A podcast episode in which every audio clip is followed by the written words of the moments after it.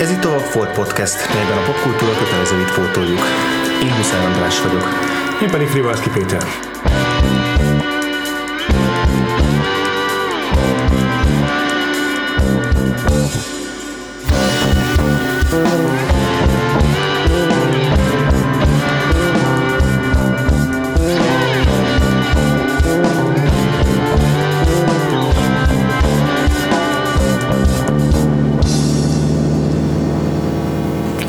Scorsese két gyakori témáját, a bűnt és a spiritualitást 1999-ben újra közös tető alá hozta a New York mocskos utcáin játszódó Bringing Out the Dead-del.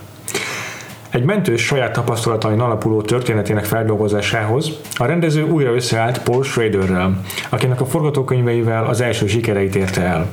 A sötét, nyomasztó hangulatú film nem ért el akkora sikereket, mint a, akár a szintén Schrader által jegyzett taxisofőr vagy a dühöngőbika, akár Scorsese 90-es évekbeli nagy dobásai, mint a Goodfellas vagy a, vagy a Casino. De a szimbolikáját és a vallásos áthallásait elnézve nem lehet csodálkozni azon, hogy a rendező fantáziát látott ebben a témában. Ez a mostani Scorsese blokkunk utolsó darabja, amelyhez ismét sikerült vendéget hívnunk. Itt van velünk Nagy Szabolcs. Nagy szeretettel üdvözlöm én is a kedves hallgatókat. Szabolcs Twitteres, Twitteres pajtásunk és a Kötőszó nevű evangélikus közéleti blognak az egyik szerzője, akit hát részben a, fil- a filmnek a vallási motivóinak a feltárása miatt hívtunk meg, másrészt pedig azért, mert nagyon jó barátunk. És így ugye, amikor válogattunk, hogy mi legyen az Scorsese blogba, sőt, már, már jóval előtte is, amikor mi beszélgettünk személyesen is többször, akkor mindig emlegetett, hogy ha, ha lesz Krisztus utolsó megkísértésedás, akkor arra mindenképpen hívjunk, aminek ugye az az egy igazi kerékötője, azt már pont mind a ketten láttuk.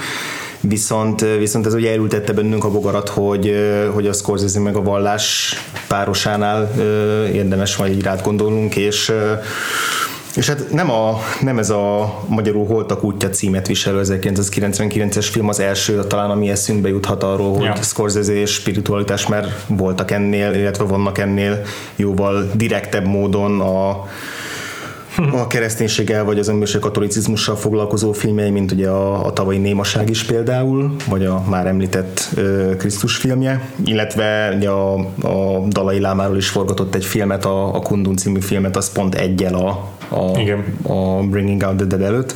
De ennek ellenére mégis szerintem eléggé jó, jó hogy ez egyrészt ez zárja le most a Scorsese blokkunkat, másrészt pedig, hogy hogy ebben tényleg így ötvözni tudjuk az, az, az összes ilyen bűntudat témakört, meg, meg uh-huh. bűntémakört, uh-huh. amit a Scorsese feldolgozott, és ráadásul egy tök ilyen mm, extrém, meg különleges filmben. Nem tudom, hogy neked mi volt a, a benyomásod erről a, a filmről, amikor megnézted? Szabolcs. Hát mikor megnéztem, alapvetően volt, van egy prekoncepcióm Scorsese-vel kapcsolatban, főleg azért, mert nem sok filmét láttam, illetve amiket láttam, azok a nagy klasszikusok, vagy azok, amik állandóan felhoznak az emberek, és akkor, mikor, főleg akkor, mikor volt ez a DiCaprio Oscar-t neki vita, és akkor mindenki Viharsziget, meg, meg Wall Street Workers, uh-huh. meg, meg akkor Aviator, még ezek is fekülnek, de hogy, hogy alapvetően úgy gondolkodtam Scorsese-ről, hogy Scorsese az a rendező, akinek nagyon jó beszélni a filmreiről, viszont nagyon nehéz nézni, vagy nagyon, vagy nagyon oda kell tenned magadat ahhoz, hogy, hogy értsd. És úgy gondolom, hogy mikor megnéztem ezt egy hónapja a filmet, mikor írtatok, hogy akkor most erről a filmről lenne szó, alapvetően azt éreztem, hogy nagyon sok olyan téma van ebben, vagy nagyon sok olyan jelenet, vagy nagyon sok olyan motivum, amiről nagyon jó beszélni, azonban nem érzem, nem éreztem azt a, a szerkezeti, vagy ezt az elementáris erőt, amit így megnézem, és akkor na ez így Egyből. megütött. Aha. Igen. Én is hasonlóképpen éreztem egyébként a filmmel kapcsolatban eh, magamat, hogy eh, én is minden jelenet éreztem azt, hogy oh, ebben ennyi minden benne van. De valahogy a, a, a narratíva nem állt össze annyira. Az egész valahogy eh, nem lett olyan, olyan erős vagy olyan jó fókuszált, mint akár a taxisofőr, akár a Mean Streets volt, amit az, adás, az adásaink egyikében fel is dolgoztunk. Ez érdekes, mert ezt, ezt máshol is olvastam, ezt a, ezt a kritikát a filmek kapcsolatban, viszont hmm. pont, pont azt éreztem benne, hogy annyira gyönyörűen egyben van a, a, a felépítése. Annak ellenére, hogy igazából epizódikus a film, tehát egy ugye három estének a történet, egy három éjszakának a története, néha átszivárog a nappalba, de igazán, ha először ah. erre a filmre gondolunk, az az éjszaka képeit jelenti és ennek a három napnak a, a, az esemény sorai úgymond cselekmény nincs benne, érdemi cselekmény, csak az, hogy a Nicolas Cage által játszott mentős különböző mentős társaival együtt megy ki bizonyos helyszínekre, illetve van egy a film legelején lévő eset, amikor kimegy a Patricia Arquette karakterének a a, az édesapjához, aki, aki szívrohamot szenvedett, és akit sikerül újra, újjáéleszteni, a Frank Sinatra csodájával, csodás ének hangjával, és, és utána ez egy átívelő szál, hogy, hogy, hogy e, ezzel a családdal marad, vagy ezzel a két, a családon belül igazából ezzel a két személlyel, a Patricia Arquette karakter, illetve, illetve a Mr. Burke, aki a szívrohamot kapta. És akit aztán újra és újra, újra élesztenek, annak ellenére, hogy nem mutat igazán ö, felépülésre mutató jeleket. Igen. Hát az egyáltalán nem vitatott, hogy okos a film, tehát hogy, hogy nagyon hmm. okosan, nagyon átgondoltan, nagyon, nagyon minden egyes mondat helyére van rakva, minden egyes jelenet. Tehát, hogy, hogy végignézed a filmet, illetve most nem néztem újra, hanem csak így átpörgettem minden hmm. egyes jelenetet, így többször, meg ami így sokkal érdekesebb volt, azt újra néztem, de hogy azt éreztem, hogy, hogy na, szerkezetileg tényleg ide van rakva. Hmm. Na, akkor itt tényleg azt kell éreznem, hogy na, akkor ide tényleg eljutok ahhoz a ponthoz, és mindig visszaemlékeztem arra, hogy mikor néztem, akkor is ezt gondoltam. Hmm. És egyébként mikor Scorsese-t nézek, akkor általában ezek is szoktak előjönni belőlem. Hmm. Most uh, húsvét hétfőn újra néztem a Ben moziban a, a Krisztus utolsó megkísértését, és akkor is uh, az volt, az az érzés volt bennem, és a Letterboxdon is ezt írtam, hogy, hogy Scorsese itt valamit nagyon megértett ebből a kereszténységből, vagy nagyon megértett abból, hogy mi, mi a Jézusi. Uh, viszont azt látom, hogy megértett valamit, és nem azt, hogy megérzett. Tehát, hogy inkább egy, egy, egy elolvasott, tartalmilag, szerkezetileg egy, egy nagyon jó tanulmány, vagy egy nagyon jó, nagyon jó munka, egy nagyon jó Aha. munka, viszont nem egy esemény, vagy nem egy olyan, hmm. amiben belemegyek, és akkor széttörik a szívem. Hmm. Uh, Szerintem nagyon igaz a Bringing Out the Dead-re is. Igen, itt, itt, itt sokkal, sokkal kardinál, kardinálisabban előjön ez a dolog. Aha. Um, mint kicsit úgy érezném, hogy, hogy, hogy Scorsese nagyon rájött arra, hogy mi megy neki, és akkor így ezt így maximumra járatja ebben. Ha. És ez szerintem egy ilyen nagyon érdekes érdekes látás, vagy érdekes, érdekes így nézni a filmet szerintem, hogyha ebben gondolkodunk. Én legalábbis többször ebben gondolkodtam, amikor néztem. Vagy annyira, annyira különös, hogy ez az a film, amiben minden olyan eszköz benne van, amit egyébként használni szokott a filmje, mert ugyanolyan kinetikus, ugyanolyan propulzív, sodor előre, tele van zenés montázsokkal, ilyen iszonyatosan pörgős, rohadtul erős az atmoszférája, van benne egy ilyen bűntudattól erősen gyötört főszereplő, tehát tényleg egy csomó olyan, minden olyan motivum megvan benne, amit az eddigi filmeiben láttunk, de hogy ezeket tök de valahogy én teljesen más dolgokra hasz, hmm. dologra használja ebben Igen. a filmben, mint a korábbiakban. És nekem történt egy dolog, nem kívánja meg azt feltétlenül, hogy ilyen energiával ábrázolja. Igen, és hogy pont ez a kettőségben, ami, Aha. ami nekem rettenetesen izgalmas volt Aha. a filmben. Én most már köszönöm, hogy ki lehet hogy, hogy a három közül nekem talált be a legjobban ez a film. és meg, egyben megerősítette azt, az, azt a gondolatomat, amit így a teljes hatrészes Scorsese blokkunkban is így építgettem apránként, hogy, a, hogy nekem pont azok a Scorsese film filmek találnak el leginkább, és azok fészkelik be magukat a legjobban, amik a legkevésbé a, a klasszikus Scorsese-t képviselik. Tehát ezek, a, ezek az ilyen kis outlier, outlier filmjei, amik se a közönséget nem találják meg általában, hát ugye ez a film ez or, ordas nagy bukás volt, hmm. tehát így a, a felét termelte vissza, az egyébként nem olyan borzasztóan nagy költségvetés, mint a 32 millió dollár volt, ami ilyen közepes, de, de így a felét se hozta vissza kritikusok közül is sokan így nem, nem, egészen, nem egészen tudták értelmezni, meg nem igazán találták meg a, ennek a filmnek a, az értelmét a, a Roger Eberten kívül, aki, aki meg max pontot adott neki, de hát ő ugye így szerelmes volt egy uh, Scorsese-be akkorra már, és, uh, és azóta se lett ebből kultfilm, az az érdekes, mert egy csomó Scorsese filmből később kultfilm lett, ebből nem, ez teljesen eltűnt, tehát azt hiszem nem adták ki Blu-ray-en azóta se, ne, alig lehet hozzáférni, rendes fizikai formátumban nincs fenn semmilyen, vagy nem tudom, hogy fenn van a streaming oldalon, de szerintem, szerintem sehol nincs meg. beszerezhető hát de ezt, ezt így teljesen el, elfeledték, és szerintem erre érdemes lenne kitérni, hogy vajon miért, miért nem találta meg a közönségét, meg miért nem uh, szóval miért lőtt ennyire mellé vele. Uh, azért is érdekes, hogy 1999, amikor kijött, akkor szerintem, azt szerintem egy ilyen banner year, tehát ez egyik legjobb filmes év így az elmúlt 20 éven belül. Hmm, mik jöttek ki akkor? Matrix? Tehát ilyen Matrix, igen, a populáció közül Matrix, akkor a, a hatodik érzék, American Beauty, American Beauty, hmm. Harcosok klubja, hmm. Tágra zárt szemek, Magnólia, John Malkovich menet, ezek között azért sok az ilyen introspektív film, amiknek, tökre, amiknek a tökre belefér a Blinking Out the is egyébként. Hát ez az, tehát, hogy elvileg egy, egy, egy, egy ilyen introspektívebb Scorsese film, az így nagyon szépen kiegészíteni ezt a sort, mint yeah. a Kubricknak a, a, a tágra szemekje, sem a, a leg, legegyértelműbb kritikai visszhangot kiváltó filmje, de hogy valahogy mégsem, mégsem volt be. Én, szerintem túl karcos ez a film ahhoz, hogy, hogy, hogy igazán megtalálja nézőket, de nem tudom, hogy ti erről mit gondoltok. Tehát, hogy túlságosan nyers én legalábbis, tehát én pont azt éreztem benne, amit, amit ti nem annyira, hogy ti azt mondjátok, hogy inkább analitikus a film, meg inkább érti, mint érzi. Én meg ilyen hihetetlenül mély érzelmeket érzek benne, ami... Ezek nem jönnek a felszínre szerintem. Tehát ez nehéz, nehéz, nehéz látni ennek a filmnek a mélyére, főleg. Tehát a, a felszínén kevés van ennek a filmnek. Tehát a, azok, amiket a Scorsese-től ilyen felszínes értelemben hatásos eszközöknek tartunk, mint hmm. az, hogy nagyon kinetikusak a vágások, meg itt hogy játszik a, mit tudom én, a, a frame rate-tel, vagy a zene használata. Ezek itt kicsit mechanikusabban vannak használva, szerintem.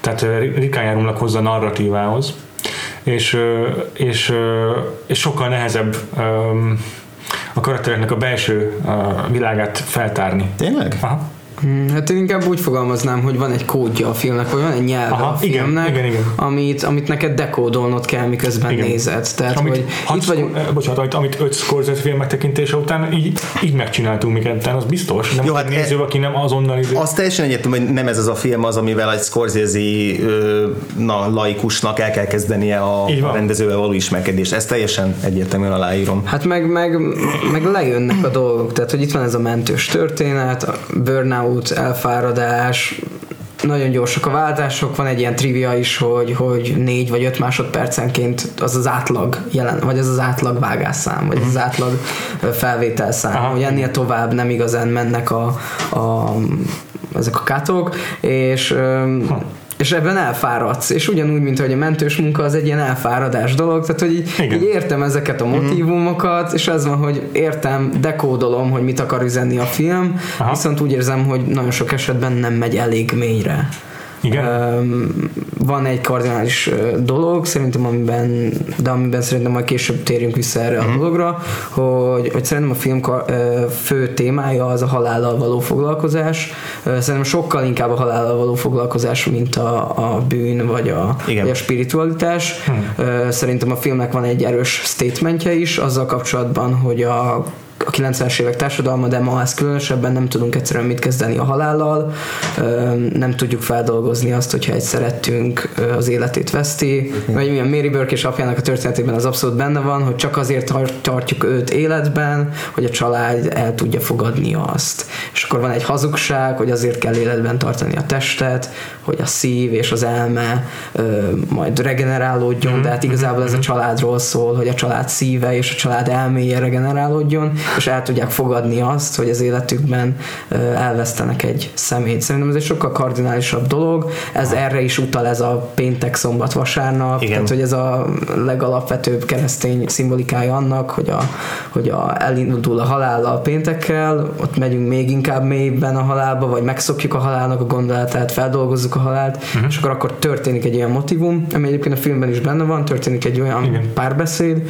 amivel úgymond van egy ilyen feloldozás, vagy egy ilyen elfogadás, inkább úgy mondanám. Nem mondanám egy lehet feltámadásnak is nevezni, uh-huh. de hogy mindenképpen egy ilyen halál elfogadás. Van egy, ha jól tudom, orosz film, ez a Visszatérés nevezetű 2003-as film, és azért jutott eszembe a filmről, ugyanis ennek is van egy, egy elég erős szerkezeti váza, és szintén ezekre a nagy, nagy heti napokra van felosztva. Uh-huh. Tehát az csütörtökkel kezdődik, de hogy a péntek, szombat, vasárnap ez nagyon kritikusan ment van, és arról szól, egy két, két fiatalról szól, akik, akiket elhagyja az édesapjuk, és a anyukkal nőnek fel, és egyszer csak egyik pillanatról a másikra megjelenik az édesapjuk, és kitalálja az apjuk, hogy elviszi őket egy kirándulásra és van egy idősebb fiú, meg van egy fiatalabb fiú. És uh-huh. ugyanúgy, mint ahogy egyébként mindig elő szokott jönni ezekben az apa-fiú történetekben, mikor két fiú gyermek van, az idősebb fiú emlékszik azokra a borzalmas tettekre, amit egyébként emlékszik arra a negatív apaképre, viszont a fiatalabb gyermek nem. Uh-huh. A fiatalabb gyermeknek ott van ez a ez a ja, édesapám, az az apám, és az csak egy ideális képlet, és elmennek egy ilyen lakatlannak tűnő szigetre, horgászni, meg így tanítani őket az életről, és, és egy ilyen történik egy tragédia az édesapjukkal kapcsolatban, tehát meghal az édesapjuk, és, és így ebben kulminálódik a film, hogy, hogy hogy a fiúk abban nőnek kicsit, vagy érnek egy kicsit, hogy az édesapjukkal ezt, ezt történik, vagy hogy, vagy hogy egy három nap alatt mhm. igazából az összes apa kapcsolatuk megtörténik. És ez egy ilyen nagyon-nagyon furcsa, és ebben a krízisben ugyanúgy bent van, hm. meg, eh, de ez csak egy ilyen fun fact arra, hogy, hogy egyébként mások is nagyon erősen használják ezt a napos, hm. ezt a nagyheti napos Ez egy nagyon jó keret egyébként, mivel hogy ugye maga az eredeti, a, eredeti, tehát a mhm. bibliai történet is a felépítésében megvan a, a, a mélyponttól a, a feloldozásig, ezt, ezt nagyon könnyen lehet alkalmazni. Igen. Beszéltünk róla az egyik kitekintőnkben, hogy vajon milyen lenne Scorsese horror rendezőként, szerintem arra is egy nagyon jó választ ad ez a film, mert főleg a, a drogos lázálmában vannak olyan, olyan ilyen zsigeri képek, amik így az emberi tudatalattiból, meg a, a nem tudom, az, az élet tudatalattiából másznak elő. Igen akár az, amikor egy láb nélküli ember kúszik át a, a mentős kocsi előtt az ebrán, akár az a jelenet, amikor kiemeli a, a kísérteteket a földből. Ami lehetne egy nagyon cheesy jelenet, de igazából valahogy mégis megfog valami nagyon-nagyon erőset képileg és, és, és mm. vizuálisan a, a filmnek a témájából, és, és amitől nem csak biblikus a film, hanem mitológikus is, tehát nekem eszembe jutott a, a, a Károlnak, aki ugye átviszi a ladikján a holtakat a, a a túlvilágra, és hogy New York olyan, mintha egy ilyen betonstux folyó lenne, amiben közlekedik a, a Nicolas Cage-nek a karaktere. De szerintem később térjünk vissza erre. Uh-huh. Szerintem még beszéltük arról, hogy miért nem sikeres ez a film. Uh-huh. Jó. Um, Szerintem az segített sokat a filmnek a, a sikerén, hogy hogy annyira sötét és annyira nyomasztó az egésznek a tónusa, hogy, hogy már azért is szerintem sokan elidegenedtek tőle nézés közben, már hagyatán sokan nézték meg ezt a filmet, nem tudom. Tehát az egész ugye teljes, szinte teljes egészében éjszaka játszódik. De még amikor napa játszódik, az is egy ilyen, te, mindent így, így, így ilyen, ilyen fáradt miazmás ködlepel. tehát, hogy a... amikor, tehát a nap nem nagyon süt ki ebben a filmben. Nem. Még nappal sem. Akkor is mindenki fáradt, minden, minden lelakott, mindent Igen. ilyen tompaság vesz körül, mint ahogy egy egész végigcsinált éjszak, ilyen éjszakai hát őrült adrenalin menet után az ember csak így kábán bolyong. Ezt, ezt nagyon-nagyon szépen Igen, a szürkeség, ez a koszos, fehér ring, szerintem ezen a, szerintem azért nagyon rájátszik arra film, hogy sötétben a fehér nagyon jól néz ki, vagy sötétben a fehér nagyon Aha. kiüt. Aha. Ahogy a mentőautó száguldozik, az nagyon jól kiüti azt, hogy a, egyébként ez egy borzasztó sötét világ. Igen, rendkívül erősen játszik a kontraszt. Igen, és az egyébként azzal lesz is kontraszt, mikor egyébként kisüt a nap, uh-huh. ami egyébként egy ködös, ja. szürke, és akkor látjuk ott Nicolas Cage-t sétálni ott New York és utcáin, igen. és egyébként az is egyébként teljesen sötét kabát, uh-huh. de mikor abban az egy pillanatban, mikor elmegy a, a Mériért, ha jól tudom, akkor ilyen mentős ruhában megy el, én uh-huh. is úgy emlékszem, igen. akkor ez egy ilyen nagyon szürke, amúgy tiszta vér, uh-huh. tehát hogy annak, a, annak az érzése is ott van, hogy hogy még egy olyan pillanatban is, vagy én úgy érzem, hogy bent van a filmben, hogy még olyan pillanatban is, amikor világosnak kéne lenni a dolgoknak, akkor is egyébként az, amiket mi hordozunk, az egyébként teljesen befekít, titti, vagy beszűkíti, vagy be, be amit, amit magunkkal viszünk az éjszakából igen, a nappalba. Inkább ez a jó szó. Igen. És egyébként ez a bűnhöz is nagyon igen. szépen kapcsolódik. És, és, ez nagyon jó, amit mondasz, mert hogy éjszaka meg valahogy, annak ellenére, hogy minden mocskosabb, egyben vagy minden tisztább, és olyan értelemben, hogy tisztában elválnak a, az oldalak, tehát a, a sötét és a fény, hogy, hogy minden sokkal egyértelműbb az abban, hogy, tehát, hogy hogy akkor, akkor akkor nem kell gondolkodni, akkor csak cselekedni kell.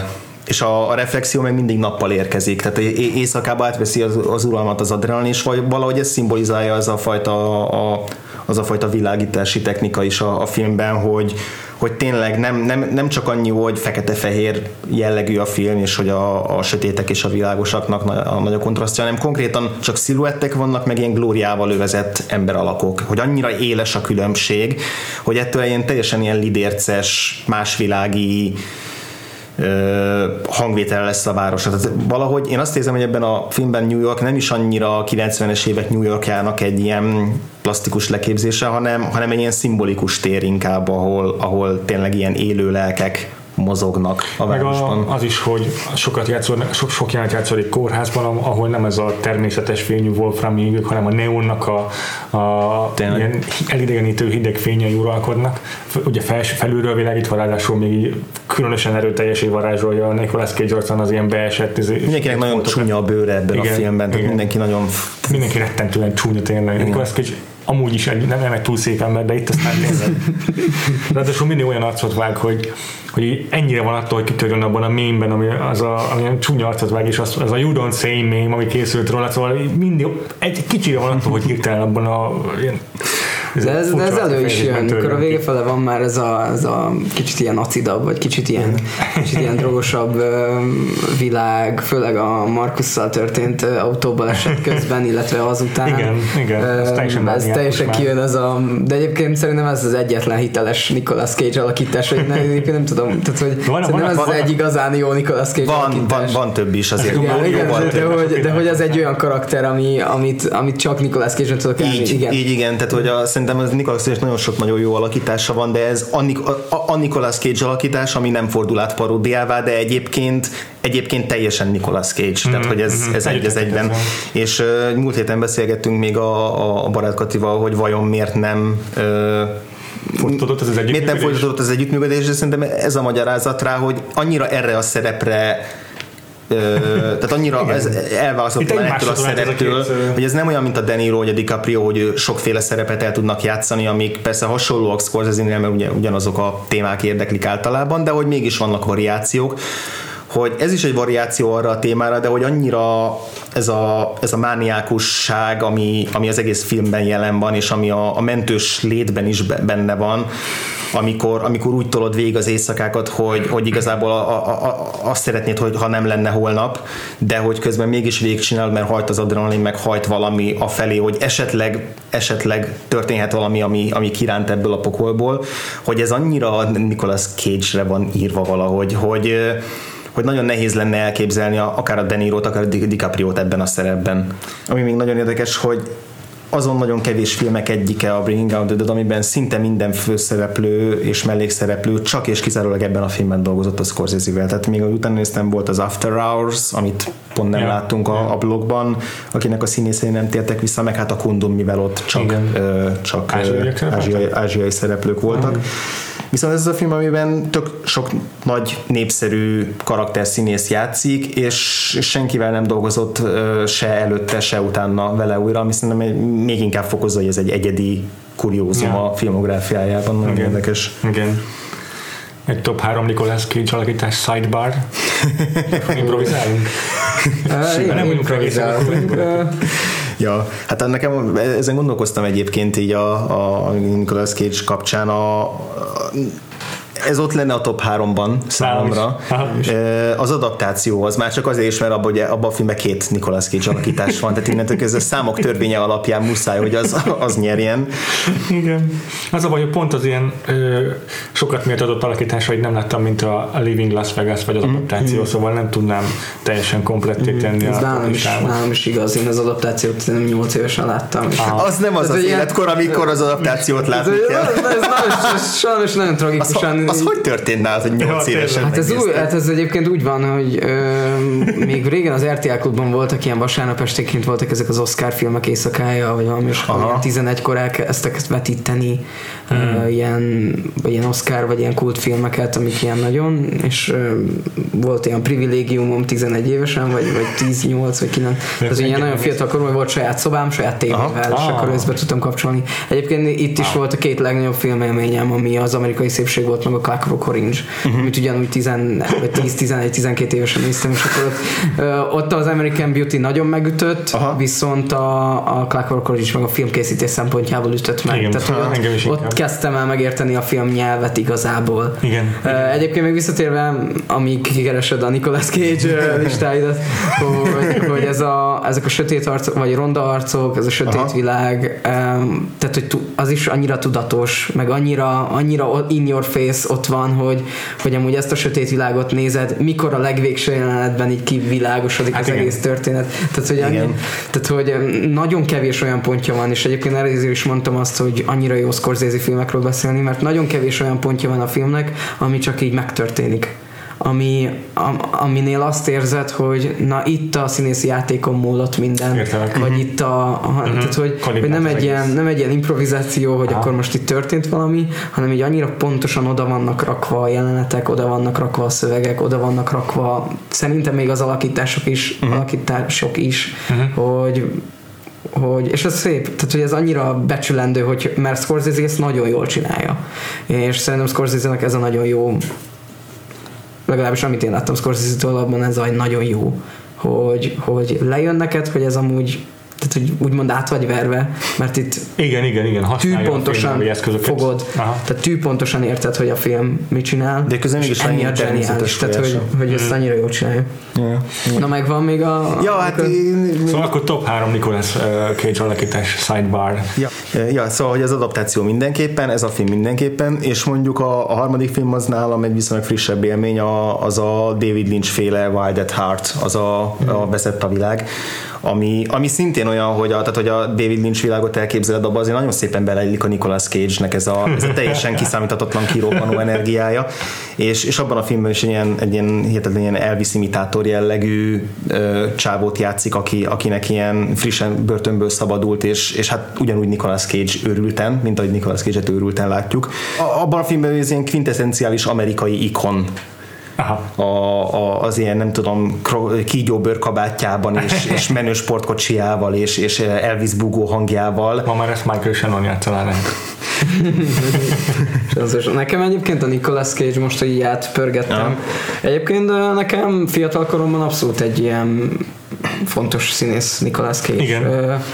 Kifejezetten azért, mert mire én felnőttem, itt lettek akkor az ő filmjei híresek, tehát uh-huh. mikor a Gun in 60 Seconds, aminek most írta nem is jut eszembe a magyar címe, mint a uh, Nem, az más. Nem, nem, nem, ez az autós. Nem Egyébként ez azért vicces, mert be is válogattam a kitekintős Na mindegy, tehát hogy ezek a, az, az, az, a Tempo, ja. ami szerintem nekem az egy ilyen tök ikonikus akció, viszont egy másik ilyen gyerekkoromban, amire így nagyon emlékszem, az a, az állarc, ez a face hát amikor a John Travoltával nyomják ezt a, tehát ez a John Woo akciófilm, ami szerintem egy marha jó Nicolas Cage alakítás, mm. különösen azért, mert az igazából egy hálás szerep mindkettőnek, hogy így, így annyira éles karaktert kell váltani, illetve, a, illetve én most visszagondolva nem hit, nem hinni, vagy hogy nem tudom elhinni Nikolász cage hogy a fegyverneppert azt ilyen, az ilyen magabiztosan el tudom hinni róla, hogy egyébként ő a crime lord mert abban nem egy olyan, nem egy olyan boss, mint, a, mint az állarcban, aha, aha. ez a szadista őrült, ez Igen. a tipikus, hanem ez a méltóságos. Tehát, hogy neki egy mondata van, és abban az egy mondatban ott amúgy igen. megül a levegő. Igen, meg hát Nicolas Cage igazából a a 90-es évekig biztosan drámai, komolyabb drámai színészként, komoly drámai színészként volt nyilvántartva. A 90-es években ugye nyitott így az akciófilmek meg a popcorn mozik felé, mint a Sziklában, amiben szerintem szintén tök jó. Igen. Meg a Connerben. Conner. Egyébként a, a Szikla, a Conner jön egymás után, Igen. jön egy állarc, és utána jön ez. Utána Tehát, jön még ez. van két film közte, wow. ami egy Igen. ilyen... És ezek előtt volt a Las Vegas végállomás, ami ugye Oscar nyert. Meg egyébként én nagyon szeretem azt a sorsjegyeseket is, ami egy ilyen rom, rom komédia.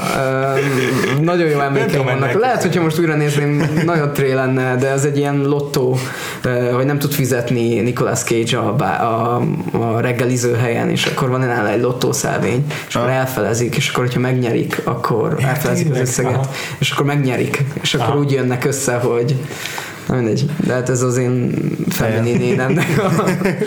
Meg amit ez a, ez a 90-es, 2000-es évek fordulója az, amikor egy csomó olyan nagy, nagy nevű rendezővel dolgozik egyébként hát, itt a Scorsese, akkor a Ridley scott a Matchstick Man-ben, amit én régen nagyon szerettem, azóta általában fikázni szokták a legtöbben, de, de én legalább annyira szerettem, mint az ilyen heist film, a Sam Rockwell nekem mint a... a... Nekem a top listámon hányamat kapott a Matchstick Man, mert szerintem elképesztő az alakítás a Nicolas cage Nagyon jó, szerintem az a Ridley Scottnak a kapjálhat utca, tehát hogy ez ja, nagyjából ugyanaz ja, a stílus, a kapjálhat utca az kicsit jobb film, de a Matchstick mint is kifejezetten szerettem. Igen és, és akkor ugye utána jött a Charlie Kaufmannal, meg a Spike Jonze-val az adaptáció, ami szintén egy tök izgalmas választás, mm-hmm. és aztán egy, a 2000-es, meg a, a fegyvernep, és aztán egy 2000-es évek közepén, 2005 körül ment át abba, hogy akkor a, a B ja, és az alatti De filmeket vállalja el zsinórba, egy-egy kivétellel. Ha eddig arról beszéltünk, és akkor szerintem ez most le is kanyarodik ez az ív, hogy miért nem lett sikeres a, a, a film. Ja, mindegy. Tehát, hogy, hogy miért nem lett sikeres. Szerintem benne van Nicolas Cage-nek a, a visszaemlékezés Nicolas Cage karrierjéről. Szerintem mindenképpen benne van ez, hogy az Nicolas Cage, aha, hogy, az utol, hogy Nicolas Cage nagyon hamar megöregedett szerintem, és nagyon rosszul öregedett, meg nagyon hirtelen. Tehát így a 2000-es évek elején még meg volt az a Nicolas Cage arc, és már a nemzet aranyában valahogy úgy összeesik ez az ember, aha, vagy összeesik ez, a, összeesik ez az imázs. Igen. Hogy, Főleg milyen frizurákat választ egy idő után a filmben. Igen, hogy, hogy szerintem ez benne van a film utóéletében, hogy ez, hogy ez lehet, jó. hogy Nicolas cage már csak úgy akarunk visszaemlékezni. Vagy csak mint, úgy tudunk. Vagy csak úgy tudunk visszaemlékezni, mint a Conner, vagy mint a, a Szikla, Aha. vagy mint a Tolvajtempó. Durva, hogy ezt a filmet, a, a Bringing Out the Dead-et egy év választja el a a City of Angels-től, amelyben egy angyalt játszott Nicolas Cage. Mindig nekem a top listán az első helyzet egyébként a 8 mm, amely szintén egy ilyen híres rendezős együttműködése a Joel schumacher ami Joel Schumacher ugye így vagy nagyon jó, vagy kibaszott szörnyű. Igen, igen. És ez pont a jobb, jobbik filmjének az egyike, és uh, szintén Nicolas Cage-nek meg azért áll jól ez az alakítás, mert Nicolas Cage-nek rohadt jól áll a film noir. Aha. Ez meg egy olyan film noir, ami uh, annak az ilyen a legvelejéig leromlottabb verziója. Igen. És, és ebben is megjelenik ez a monománia, amely jellemző Nicolas Cage-re, meg az a fajta, az, az, az őrület határán való táncolás, amely szint a Bringing Out, the Dead, Bringing Out the Dead-től kezdve csomó szerepében vissza-vissza köszön, ha éppen nem borul át az őrületnek a határára már.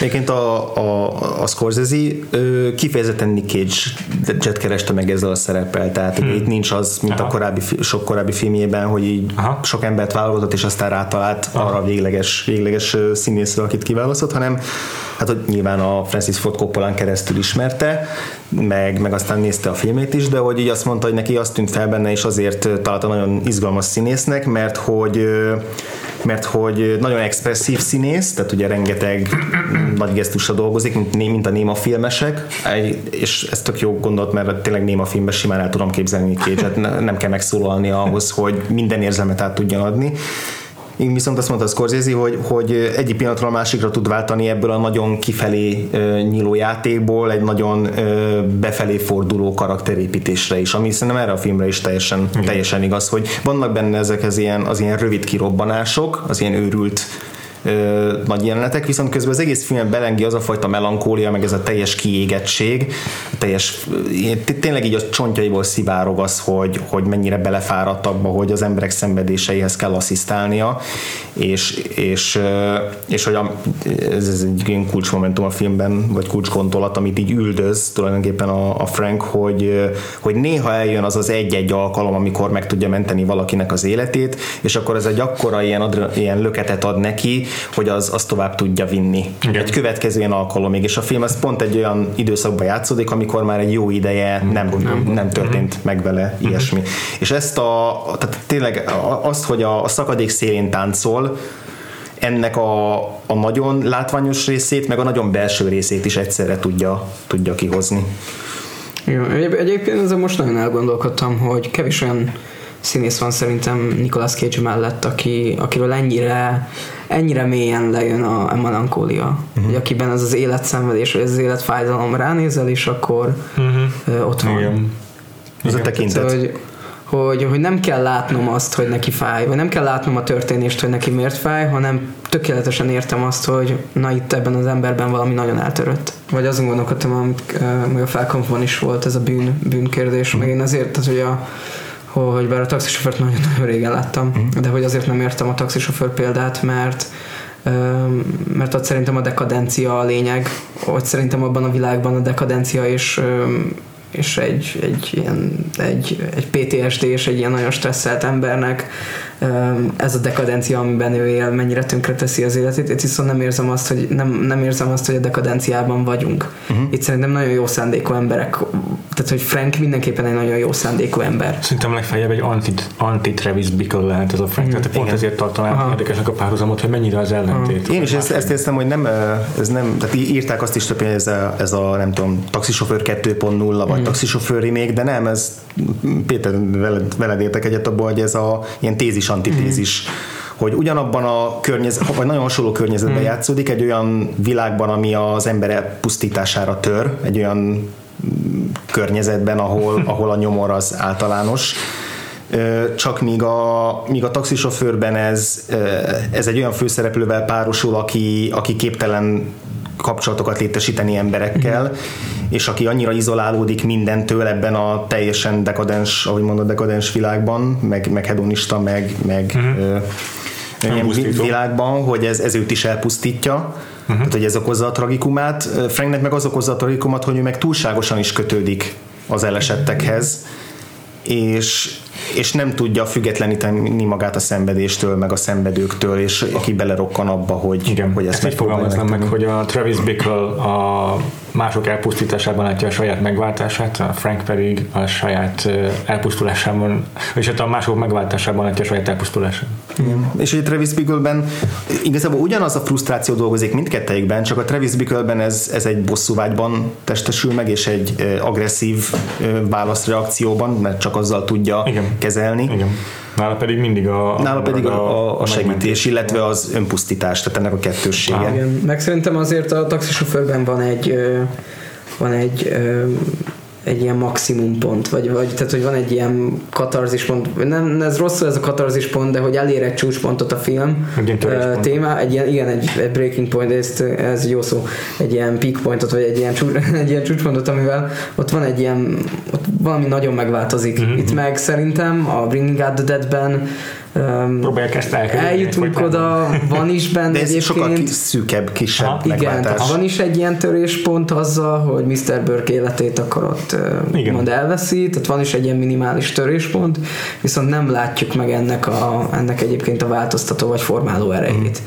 Tehát még amíg látjuk azt, hogy Travis elkezd, ott megtörténik a nem tudom, kifakadás, akkor borotvál, meg minden, tehát hogy van egy ilyen folyamat, ilyen viszont ö, mm. ott nincs ez és egyébként szerintem uh, Scorsese-ben ez bent van. Ha némaságra nézünk, akkor egyébként, hogyha ezt így visszatekerünk, uh-huh. vagy, vagy visszafordítjuk, ez egyébként bent van. Tehát, hogy szerintem valahogy érti azt, hogy ebben a helyzetben, amikor valami olyat kell felfogni, ami felfoghatatlan, mint mondjuk a halál, vagy mondjuk az értelmetlen szenvedés, akkor rájön Scorsese arra, hogy itt nincsenek válaszok, vagy nincsenek feloldások, nincsenek követendő utak, illetve is nincsenek döntések Igen. vagy történések, hanem ez csak egy ilyen apátiában élünk ezáltal. De hogy mégis ezzel az apátia ellen mégis muszáj küzdeni. Mert hogy, mert, mert hogy ez is egyben, tehát hogy a, ez a film nem a, a, a Frank bukásával végződik, és nem a, nem a mondjuk nem a kirúgásával, mert ugye egész filmben igen, követeli, igen. hogy kirúgják, követeli, hogy legyen vége ennek az egész történetnek. Persze nem tudjuk meg, hogy a záró jelenet után aznap éjszaka újra beül a mentős kocsiba, de szerintem igen. Tehát, hogy ez, ez nem egy olyan befejezés az ő történetek, hogy kiszáll a játékból, úgymond, hanem, hanem az, hogy rádöbben, hogy az az, az, amit ő, az, amit ő létszükségletnek érzett ahhoz, hogy tovább tudja folytatni, az máshogy az más, mint amire mm. gondol. Most ezt konkrétizálom, mert ez így egyre nagyon ködös, tehát hogy ugye, mint mondtam, vagy mint beszéltünk róla, végig keresi azt, hogy megmenthesse valakinek az életét, és ez már már ilyen tragikomikus, vagy abszurd módon kerül el, kerül el. Tehát amikor egy ilyen guztustalanul mocskos lakásban egy terhes nő megszüli az iker pár gyermekeit, akkor ketten ö, segítkeznek benne, és a, az, a, az, a, az újszülött, aki életben marad, azt nem ő segítette úgymond világra mm. a két mentős közül. Igen. Tehát, hogy ilyen mértékben bünteti őt Isten, vagy, mm. vagy valami. Szerintem egyébként a film egyik legerősebb pillanata. Én legalábbis ott, ott éreztem azt, hogy na, most itt vagyok százszerzalékosan, mm és nem azon gondolkodom, hogy mit mondjak uh, itt, vagy, vagy hogy miről, mit, mit gondolok, hanem ott volt, az egy, ott volt egy olyan momentum, amikor egyébként eldöntöttem, hogy ez a film tetszik, tehát hogy ez a film uh-huh. jó, jó, hogy megnézem ezt a filmet, viszont rendkívül fájdalmas volt nézni, nem feltétlenül a naturali, tehát a, a természetessége miatt, hanem, hanem amiatt, hogy, hogy ez egy borzalmas trauma. Igen. És azzal, hogy Márkusz egyébként így viselkedik utána, hogy akkor, hát ez a világ legnagyobb csoda, hogy... Ez a világ legnagyobb, munká, tehát, legjobb munkája, amit foglalkozz azzal, hogy, hogy, hogy, egy másik gyermek meghalt. Hát ott tartottam a kezemben. és, és közben folyamatosan ugrik be az a kép, hogy Nicolas Cage szalad ebbe az alufóliába betekert Aha, gyerekkel, igen, és, és próbál a két ujjal újjáéleszteni a gyereket, és folyamatosan e, szájon át lélegeztetni, ami egyébként egy újra egy visszatérő elem, velem, hogy, hogy egyébként Viszont már megjósolják, vagy már beszélnek arról a váróban a mentősök, vagy az út, nem tudom, hogy utána van, vagy előtt, de szerintem előtte, előtte van, hogy beszélgetnek arról, hogy ki, senkit se uh, lélegeztetnének szájból, uh, száj, szájon át, viszont egy kisgyermeket igen, és akkor ez pont megtörténik ez a pillanat. Ja, újra Scorsese nagyon jól szerkeszt filmet. Okay. Um, tehát hogy nekem az, a, nekem az abszolút az volt, a, az volt az érzelmi csúcspontja a filmnek, mm. és amit sajnálok is, mert szerintem a, mert nem ennek kéne az érzelmi csúcspontja lenni ennek a filmnek. Ez tök jó, hogy, hogy ezt mondod, mert hogy pont erre is akartam kifutatni ezt a gondolatsort, hogy ugye mi a befejezése a filmnek, mert hogy szerintem van egy ilyen, egy ilyen nagyon, nagyon izgalmas uh, uh, bait and switch a, mhm. a filmben, hogy két szál van, ahol eljöhetne a, a megváltás uh-huh. a, a uh-huh. Frank karaktere számára. Két, karak, két szereplő ad, adná meg ezt a lehetőséget, és szerintem sokáig úgy halad a film, az én ismétlődések okán, hogy a Noel nevű karakter lesz az, aki aki majd aki a megváltást hordozhatja számára. Ugye ez egy olyan hajléktalan fickó, aki, aki közben de hogy egy nagyon fiatal srác, tehát hogy aki fiatal srác, akinek... ott nem egy ilyen 70 éves hajléktalan. Egyébként, mint ami van egy másik, van egy antikarakter is, Mr. O, aki egy öreg büdös, ja, aki csak azért megy be a kórházba, hogy legyen hol aludnia, meg kapjon ételt, meg megmostassák. És itt van ez a Noel nevű fiatalember, aki minden valami miatt bekattant, és Igen. furábbnál furább jelenetekben, meg eseteknél uh-huh. hívják ki hozzá őket. És ő az a karakter, aki mindig kiköt a, a sürgősségén, és aztán nem mindig megszökik, de aztán újra mindig vissza, vissza, visszatér, vagy visszaköveteli magát, bár egy idő után már azt kell megígérnie neki, pontosabban a mentősök mindig visszaviszik, a Nicolas Cage karaktere, és egy idő után már azt kell, meg kell ígérni neki, hogy majd, majd ha beviszi a kórházba, akkor majd ott megöli. Ja mert, mert különben nem lenne hajlandó bemenni, csak ezzel lehet ezzel a taktikával rávenni arra, hogy, hogy elfogadja a segítségnyújtást. Tehát ő ez a, egyébként engem teljesen a némaságból a kicsi giro a karakterére emlékeztetett, ami szerintem a legerősebb karakter abban a filmben. Mint az emberi gyarlóság, meg a, annak a megtestesítője, aki, aki úgymond a, a bűnös átlagembernek a karakter, aki valahogy mindig visszatér a, a feloldozás felé, de, de, aztán, de aztán mindig visszalöki jött valami és, és hogy sokáig úgy tűnik, hogy ez lesz majd, ő lesz majd az az ember, aki, akit megmenthet, és meg is menti a, a mentős társától, uh-huh. aki, aki, aki félholtra veri, mert ugye három mentős társa van, a, a John Goodman, a Wing Rames és a, a Tom Sizemore, majd később beszélünk, de ez a harmadik mentős társ, ez a legerőszakosabb, aki uh-huh. kifejezetten gyűlöli Noelt. Lényeg, ami lényeg, hogy a Noelt meg tudja menteni és úgy tűnik, mintha az egész film e felé haladt volna, de nekem az a szép a, a, a film tanulságában, hogy valójában nem, mégsem ez hozza számára meg a, a feloldozást, hanem az, hogy átsegít a halálba egy olyan embert, aki már nem akar élni. Ez pedig ez a Mr. Burke. Uh-huh. És hogy végig a, a film során végig azt kereste Frank azt a lehetőséget, hogy mikor hozhat vissza valakit az életbe, de az a, az a rádöbbenés, hogy valójában az elengedés az, az ugyanakkora erővel tudhatni, hogy úgymond megöl valakit, vagy hát ugye gyakorlatilag eutanáziát Aha. alkalmaz Igen. egy olyan emberen, aki ilyen, ilyen furcsa eszközzel gyakorlatilag ugye telepatikus mm. eszközzel beszél hozzá, vagy a, vagy a, a gondolataiból olvas, vagy a tekintetéből olvas. Azzal, hogy, hogy, hogy ez a borzasztóan erős gesztus tett, lesz az, ami tovább löki őt. Ez, ne, nekem teljesen más ö, ö, hangsúlyt kap ettől az egész hmm. film. Hogy, és, és ez a, ezt a, ezt a bait and switch nem, nem ilyen manipulatív dolognak gondolom, hanem egész egyszerűen annak, hogy a, hogy a Franknek át kell formálni a fejében azt, hogy, hogy mi viheti tovább őt az életben, és hogy nem csak a, nem csak a mindenem az, az élet fenntartása és megmentése a kulcs a további éléshez, hanem az is, hogy, Igen. hogy, de hogy, hogy, hogy, hogy, hogy legyünk tisztelettel az iránt is, aki már nem akar élni. Szereti Scorsese mindig bemutatni a dolgok antitézisét és a tézisét is, tehát ez igazából pont ennek az ilyen kontrasztos megoldásnak, amit gyakran láttunk filmjeinél az egyik ilyen példája. De egyébként én annyival kiegészíteni, amit mondtál, hogy, hogy szerintem Nicolas Cage nem olvas a gondolataiban a Burke-nek, hanem ez, ezt ugyanúgy a, a, a hogy is mondjam, ezt ugyanúgy a nézőre bízza a film, mint ahogyan a, a némaságban igen. nem lehetett tudni, hogy az Andrew Garfield hogy... valóban hallja a Jézus hangját, vagy csak ő maga, igen, az a saját lelkiismerte szólal meg benne. Igen. Mert hogy, mert hogy Mr. Burke arca teljesen kifejezéstelen egész végig, és amikor, amikor ő látja, hogy az arcán megjelenik valami, akkor azt csak képzeli róla és hát nem igazából azokhoz érzem, hogy nem jelennek meg, mert többi, a, a többiek rajtuk körül nem, nem látják a többiek a, ezeket az kifejezéseket, vagy ezeket ők nem veszik észre rajta. Igen. Egyébként még, még hozzá kapcsolódva még annyit szerintem fontos, hogy, hogy szerintem rejtetten egyébként ott van, hogy erre akar kimenni a film. Mm. Tehát, hogy amíg a, a Noel egy nagyon nagyon látványos, vagy mm. nagyon a szemünk előtt van, és nagyon hangos, addig a, talán talán két ilyen lényeges narráció van a filmben szerintem, vagy én két lényeges narrációra uh-huh. emlékeztem. Az egyik ez a, amikor elmondja, hogy miért jó életet menteni, hogy, uh-huh. a, uh, hogy olyan, mint egy addikció, tehát olyan, mint egy, egy drog, hogy amikor, amikor eljön ez a pillanat az életedben, akkor folyamatosan azt akarod követni, követni, követni, és szaladni utána. Illetve van egy másik narráció, amit, amit én megjegyeztem, ez pedig mikor, mikor rájön arra, hogy az ő mentős munkája az, vagy azon kezd el gondolkodni, hogy a mentős munkája munkája nem erről szól. Hogy nem az, igazából néha nem az életek megmentéséről szól.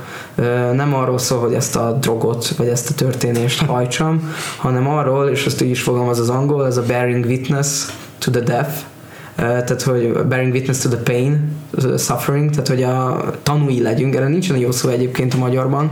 Igen hogy legyünk tanúi ennek a, fel, vagy a, legyünk tanúi ennek a szenvedésnek, ennek a halálnak, és, és hogy egy nyugtató szerepe legyen a, mhm. a, a közösségnek, és és egyébként ez egy ilyen nagyon burkolt utalás, de hogy ez egy nagyon bibliai nyelvezet. Tehát, hogy ez a bearing witness, Igen. ez egy rendkívül bibliai nyelvezet, nem ebben a, tekint, ebben a tekintetben is, de hogy abba, igazából abban a tekintetben van nagyon jelen szó szerint így használva a teológiai nyelvezetben, hogy a tanúi legyünk úgymond az evangéliumnak, tehát ugye ez általában ez a bearing witness to the gospel, hmm. ez szokott lenni, és ez egy ilyen nagyon direkt utalás erre, hogy nagyon direkt utalás arra, és szerintem ez egy de lehet ezt én látom bele, vagy nem, ez az én egyértelmű, de szerintem ez egy óriási állásfoglalás Scorsese részéről amire már utaltam egyébként előbb Aha. is, hogy a, hogy a halállal kapcsolatos, hogy, hogy a halállal kapcsolatos felfogásunk az, az más, mint ami valójában. Hmm. Hogy valójában nem az életmentésről kéne szólnia, ami, ami mondjuk a mentős munkáknak, vagy a, ami mindennapi mentős munkáknak, hanem arra, hogy, hogy ilyen krízis helyzetben, amikor mindenki tudja, hogy meg fog halni, akkor ott legyünk igen, hogy találkozzunk. Ezért, Egyébként, ez, ezért is borzasztóan erős az a nagyon kis rövid jelenet, amiben a Michael K. Williams tűnik fel, ez az Aha. egyik első szerepe, tehát azt hiszem két, fi, két, két filmje volt ezelőtt, a, főleg a drótból ismert mm-hmm. jellegzetes arcú színész, aki egy név nélküli drogdílert játszik, és és őt, őt viszik be úgy a kórházba, hogy mire odaér, addigra már meghalt és, és igazából egy teljesen egyszerű jelenet olyan szempontból, hogy a, a beteg ö, könyörög azért, hogy mentsék meg, pontosabban azt mondja, hogy nem akar még meghalni. De egyrészt a Michael K. Williams alakítása az, az megint annyira nyers és annyira, annyira fájdalmasan ö, őszinte, hogy ebben az egy, egy apróságban is pont ez jelenik meg szerintem, amit, amit, amit most te mondtál. Uh, illetve egyébként ezt nem... Hogy, ez, hogy bocsánat, ja. és az, hogy, az, hogy a, csak a lényeget felejtettem el a jelenet kapcsán, hogy ott, ott utazik velük ez a Noel is, és gyakorlatilag így arra kéri, vagy azt, azt a Frank azt mondja neki, hogy fogja meg a kezét a haldoklónak. Mm. Tehát hogy ez a készfogás, mint gesztus, csak. E-, e- ezt akartam. Egyébként a show notes-ban majd megmondom a srácoknak, hogy rakják be, van egy nagyon érdekes tanulmány erről, amiből ezt a gondolatkört kiszedtem, ez egy ilyen 6-7 oldalas tanulmány arról, hogy, a, hogy a, az egészségügy, vagy az egészséggel kapcsolatos világ vallási felfogás az hogyan jelenik meg ebben a filmben, wow. és hogy mennyire fals ez, és ez egy nagyon jó. Ha. Uh, illetve amit én ehhez még akarok hozzátenni, és most, hogy ennyire erősen benne van a fejemben a Krisztus utolsó meg kísértése, meg a némaság, meg, meg interjúkat néztem Scorsese-vel arról kapcsolatban, hogy ő mit is gondol kereszténységnek. Uh, Scorsese szerintem nagyon ért, érzi a kereszténységben azt, hogy, vagy nagyon érti a kereszténységet, illetve azt, hogy mostanában, amit a kereszténységről gondolkodunk, az eredeti értelemben mennyire elfeledetté elfeledett vált, elfeledetté vált az eredeti értelme. Uh-huh. Tehát, hogy míg ma azt gondoljuk a kereszténységről, hogy ez egy happy dolog, hogy amúgy ennek a feltámadásról kell szólnia, és ez egy happy dolog, és hogy, hogy mindenki, aki keresztény, az jó életet él, boldog él, nem tudom. A kereszténység pont arról szól, hogy ez a e, felkaroljuk, vagy átöleljük a halált. Hm. Tehát mikor beszélünk a filmnek a, annak a szimbolikájáról, hogy nagypéntek, szombat, vasárnap, akkor itt nagyon erősen a nagypénteket hangsúlyozza a Scorsese, hogy itt ténylegesen meghalnak emberek, ténylegesen ott kézzel foghatóan ott vagyunk a halálban, és szerintem nekem legalábbis sokat tanít erről, meg benne is van a szimbolikájában, akár direkten, hogy a kórház neve az, Igen, az a Lady Perpetual of nem tudom milyen Mary. Mercy, uh, igen. Uh, uh, ja, hogy a kegyelmes Márián, tehát hogy a kegyelemről szól, és akkor Miserynek, tehát hogy hívják a kórházat. Igen, hogy, Mercy. De hogy annyi, hogy ez egy nagyon erős statement, vagy nagyon erős állásfoglalás Scorsese-ről, hogy figyeljetek emberek, hogyha ti a vallásról és a kereszténységről gondolkodtok, akkor egy picit most felejtsétek el vasárnapot, felejtsétek el a feltámadást, és nagyon karoljátok fel ezt a nagypénteket, mert ez az egész, az egész vasárnapi csoda, az nincs nincs emiatt a halál nélkül. Hm. Ha nem jutsz el a legmélyebb pontig, akkor onnan nem tudsz fölfele menni. Hm. Ha, ha nem, tehát, hogy, és ez egy nagyon kardinális dolog, és erre nagyon-nagyon emlékeztet uh, minket mind a Krisztus utolsó megkísértésében Scorsese, hm. tehát, hogy, hogy amit um, egészíts ki a színész nevével, most hirtelen akit Pál játszik. A, a Harry Dean Stanton. Igen, Harry Dean Stanton, amit nagyon erősen kimond, hogy hogyha az embereknek azt kell hinniük, hogy te meghaltál a kereszten és feltámadtak, akkor azt kell hinniük. De hogy annak, ennek a kettőhez összetartozik, tehát mm. meg kell halni. Vagy a, a némaságban, hogy, hogy, hogy az igazi megélése a történetnek az akkor van, az igazi fordulópont, vagy az igazi döntéshelyzet az akkor van, mikor a saját halandóságoddal találkozol. Mm. Tehát, hogy akkor válik igazán fontos hogy neked milyen az identitásod, mikor az élet-halál kérdése. És szerintem, mikor a vallásos amikor a vallásos scorsese látjuk, vagy a vallási scorsese látjuk, akkor ez nagyon erősen benne van. Hmm. Szóval akkor szerintem maradjunk is az ennél a keresztény szimbolikánál, hogy ezt hmm. hogyan vonul végig az egész filmen. Igen, még pont, pont, pont amit mondasz eh, ehhez szerintem kapcsolódik az is, ami szintén elhangzik a filmben, hogy ami ugye nem csak a mentős, de egyébként az orvos szakmára is rengetegen elmondják, hogy, hogy ez, vagy rengetegszer elhangzó ö, párhuzam, hogy hogy ugye gyógyítani úgy olyan, mint Istent játszani, hiszen megmenthetsz ember életeket, visszahozhatsz embereket a halálból adott esetben, és, és ugyanez a rádöbbenés, ez a, a, ez a, a hangsúlyváltás, hogy, hogy mi, a való, mi a valóban fontos, a, a, az átölelés, az átkarulás és a segítés a fontos, ez abban is mutatkozik, hogy Nicolas Cage-nek, tehát a Franknek sem az lesz a végére a fontos, hogy Istent játszon, mert szerintem a, a, amikor a Mr. Burkett átsegíti a halálba, az a felszínen tűnhet annak, hogy ő dönt ő róla, aha. de valójában akárminek is veszük azt a belső hangot, vagy azt a, azt a ami megszólal Mr. Burke hangján, és ami arra kérleli, hogy engedje el,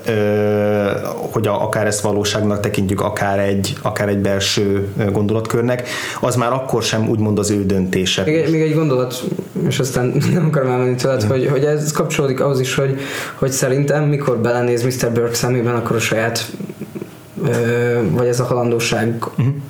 dolog, vagy az emberi méltóságot látja meg benne, hogy, hogy ami egyébként nagyon sokszor előkerül a filmbe, hogy azért kerülnek be emberek, hogy akkor az államkasszából kivegyenek, vagy hogy, hogy a Mr. Ott azért visszük be, hogy akkor lefültessük, és akkor, és ami egyébként a, és nagyon vicces ebben a film, hogy amikor bevisznek egy, egy, egy drogos srácot, és akkor ott az orvos kiosztja, hogy, hogy, Meg a hogy a, a, igen, hogy te azért, te azért jöttél be, mert felszippantottál, oké, okay, akkor miért is kéne téged meggyógyítanunk? Mert itt nem baleset történt, ezt te okoztad magadtal akkor miért is kéne meggyógyítanunk? Miért van ez az, ez az egész kórház? Miért fizetnek egyébként adófizető emberek biztosítást meg, meg egyébként be az államkasszába, hogy, hogy mi ingyen úgymond ellássunk téged?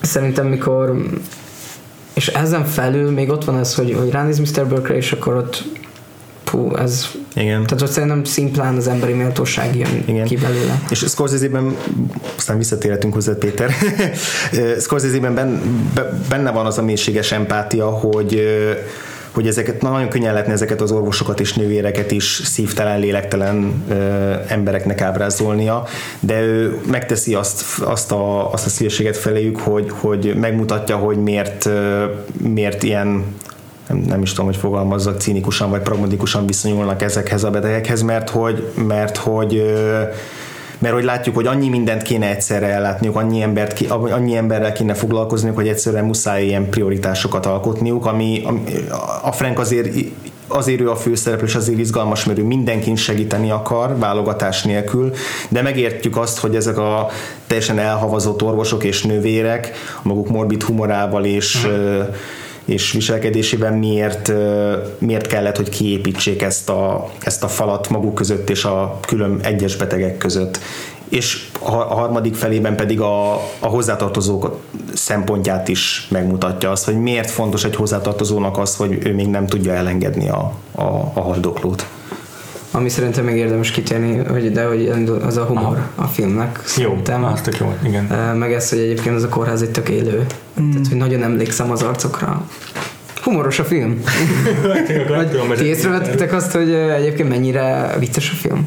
Vagy mennyire, teljesen, mennyire röhelyes a film? Teljesen. Egy, a, a, mondom, a Rohadt jó a humor ennek a filmnek tényleg. Hát a John goodman az elején uh, már rögtön bejön. A John Goodman megint a John Goodman karaktert játszik, de fantasztikusak, amikor arról beszél, hogy uh, megint ugyanazt fogom menni, mint az előző nap, hogy meggondolom valami diétára fogta magát, vagy nem tudom. És hogy uh, és uh, nem tudom, ezek, ezek, ezek a hülye dumák, ezek a, ezek a párbeszédek az elején is rögtön megjelennek, de aztán megismerjük az orvosokat, a nővéreket, a nővér ugye, aki folyton izé, uh, mindenkit szépen kérdőre von, hogy, hogy, hogy, hogy, hogy igen, amit mondtam, a drogokkal kapcsolatban, próbálja őket így kioktatni, vagy móresre tanítani. Ezek vagy, a, vagy a rendőr a, a váróteremben, Igen, akinek a, a legnagyobb punchline igazából az, hogy ami... Don't make me take off my sunglasses. Zseniális. Tehát ez, ez, ez a csávó a Predatorsból kiléphetett volna. vagy ugyanebben a formában. Mindenki, hát a három, hát a három mentős társa mind, mindhármon külön egy annyira komikus. A Wing Rames is, uh, a dumáival. És három nagyon erős arhetipust tehát vagy, igen, vagy, igen. vagy inkább úgy azt mondani, hogy típus hát testesítenek meg. Válogatott igen. a szerepekre nem véletlenül. És, és uh, még Tom Sizemore is szerintem elképesztően vicces, hogyha lefejtjük azokat, hogy egyébként mi is csinál, csak ő, mi is csinál valójában. Tehát, hogyha, csak ő már ijesztően Igen, vicces, tehát hogyha eltekintünk attól egyébként ő is uh, rendkívül uh, komikus, meg, meg hát Frank is, uh, tehát hogy ami, amilyen helyzetekbe kerülnek, viszont szerintem a, a, a Szerintem egy idő után mindenképp leteszi a film ezt a humort, tehát hogy a vége felé mindenképp elteszi, uh-huh. vagy félreteszi a humort, főleg akkor, mikor a Tom Sizemore bejön, de hát a humort, a, vagy ezt az egész viccességet a Wing Rames-el maxolja ki a, ezzel a rituális gyógyítással, vagy megmentés történettel, illetve ezzel az egész babás dologgal, ami végül kicsúcsosodik egy egyébként szintén nagyon vicces és röhelyes, inkább röhelyes, ami egy ilyen jó szó ebben a balesetben, Igen. vagy ebben a balesetben való hajszoláson. Hát ez a, ez a teljes abszurditása Igen. az egész helyzetnek, annak, hogy egy ilyen Hát az, hogy azok az emberek, akik tényleg nap mint nap, vagy éjszaka, éjszakáról éjszakára gyakorlatilag óránként be, bekerülnek egy ilyen erős élet-halál szituációba, ahol, ahol foglalkozni kell akár egy súlyos beteggel, egy haldoklóval, vagy azoknak a hozzátartozóival. Mi, rengeteg ilyen végletes helyzetbe került emberrel, az egyszerűen szükségszerűen magával vonza azt, hogy, hogy valahogy fel kell oldani ezt ezzel a fekete humorral, amit ezek a, ezek a karakterek megtestesítenek. Tehát, hogy az a szép a filmnek a humorában, hogy, hogy nem csak úgy önmagáért van, hanem egyértelműen ebből az élethelyzetből, meg ebből a foglalkozásból következik. Azt is érdekesnek tartottam, hogy van egy ilyen apáca nővére, aki az utcán prédikál, és ő is inkább röhelyes, amiket mond, meg, meg az is különösen röhelyes benne, hogy már talán hogy körülötte zajlik az emberek megmentése, a mentősök mindig mennek éppen valakit ellátni, vagy nem tudom, de hogy mindig ha izé, magának prédikál lényegében, nem nagyon izé, zavartatja magát senkivel, és milyen érdekes kontrasztban van az korábban, amit beszéltél, hogy, hogy valójában egy csomó értelemben meg pont a mentős, hogy testesítik meg azt, ami nagyjából inkább az ő szerepe lenne. Meg hát ez egy család. Én legalábbis azt úgy fogom fel, hogy ez egy családi ö, környezet, és nem a családnak a szép ö, szitkom jellegéből fakadóan, hanem ebből a, abból az örökbecsű, általán egyébként nagyon nem kedvelt mondás, hogy a, hogy a barátait mindenki meg tudja választani, a családtagjait nem, hogy, hogy így a munkát, tehát hogy ezzel, a, tehát ezzel az egészségügyi környezetben is ez abszolút bent van, hogy és egy olyan ráutaltság van a másikra, ami, ami elképzelhetetlen egy olyan ember számára, aki nem végez egy ilyen krízis munkát. És és nem tudom, hogy ti hogy vagytok ezzel, de mikor ezek a pillanatok voltak a filmben, én jól éreztem magamat, mármint, hogy én közel éreztem magamhoz ezeket, a, ezeket az alakokat. Hmm. Iszonyú erős. Mármint, hogy, hogy én is úgy éreztem, hogy, hogy egy új fiú vagyok, aki, aki ott megismeri ezeket az alakokat, és hogy mennyire és hogy megvan az, hogy kire bízhatod rá magad, és igen, kire igen. nem, mert a Tom Sizemore az az a véglet, akire már nem bízhatod igen. rá magad, mert ő már ön és közveszélyes mindenkire mm-hmm. nézve, mert, mert ő, ő ő már az átlépett azon a ponton, ahol már agresszióval reagál a, a, a, az életére. Hát, hogy az utolsó jelenet, amiben látjuk, miközben Nicolas Cage elvonul előtte, egy baseball ütővel csapkodja szét a mentőautóját, annyira le akar rombolni mindent. És azt hiszem, hogy így visszafelé nézve érdekes, így, így fokozódik a, az, hogy a, a mentős kollégái azok éppen milyen állapotban vannak, mert ugye a Wing Rames az, akiről már rengeteget beszéltünk, hogy, hogy a Marcus, aki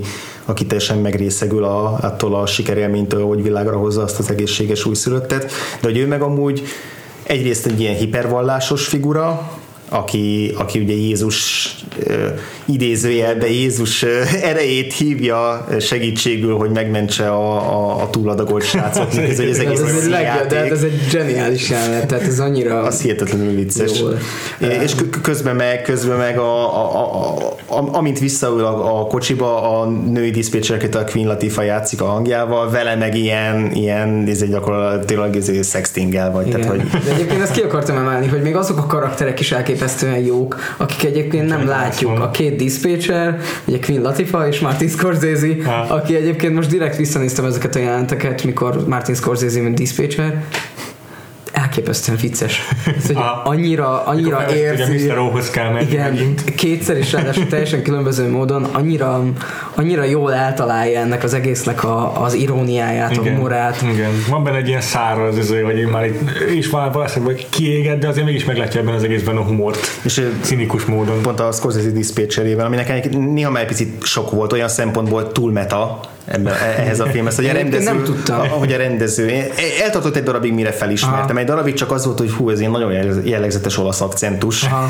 és aztán rájöttem, hogy ő az, Aha. és hogy onnantól engem, picit ki, ki, kiragadott a, a filmnek a világából Aha. az, hogy, az, hogy akkor a, a az instruálja a szereplőit, de hogy amúgy a, ilyen, vannak ilyen teljesen adhok amikor úgy hadarja a diszpécser az, hogy ki, kihez kell kimenni, akkor vannak ilyenek, hogy, kikhez kell kimenni, hogy, hogy nem tudom melyik utcák sarkán van egy ember, aki, aki izé, celeb, celeb hangokat hall a fejében, ez a krízis, egy másiknál egy, egy öreg mondja, akit elrabolt a macskája. Tehát, hogy vannak ilyen tökéletesen szürreális kis, kis, kis side megjegyzések, ami, ami hozzátesz a humorához és ugye a harmadik pedig a, a John Goodman a három mentős közül, aki egyébként a legnyugodtabb. Tehát ő az, aki, ő az, aki már így meg, mert, mert azért... meg tudja élni, elalszik a kocsiába simán, hogyha tehát a pihenő alatt nem, nincsenek álmatlan éjszakái, nem forgolódik az ágyába, mint a, mint a Nicolas Cage karaktere, és te csak a kaján gondolkozik. Meg igazán, meg nem csak az, hogy mondjuk ebben a helyzetben csak a kaján gondolkodik, de szerintem ő az egyetlen olyan karakter, akinek van egyébként egy távoli víziója hmm. az életével kapcsolatban. Hmm.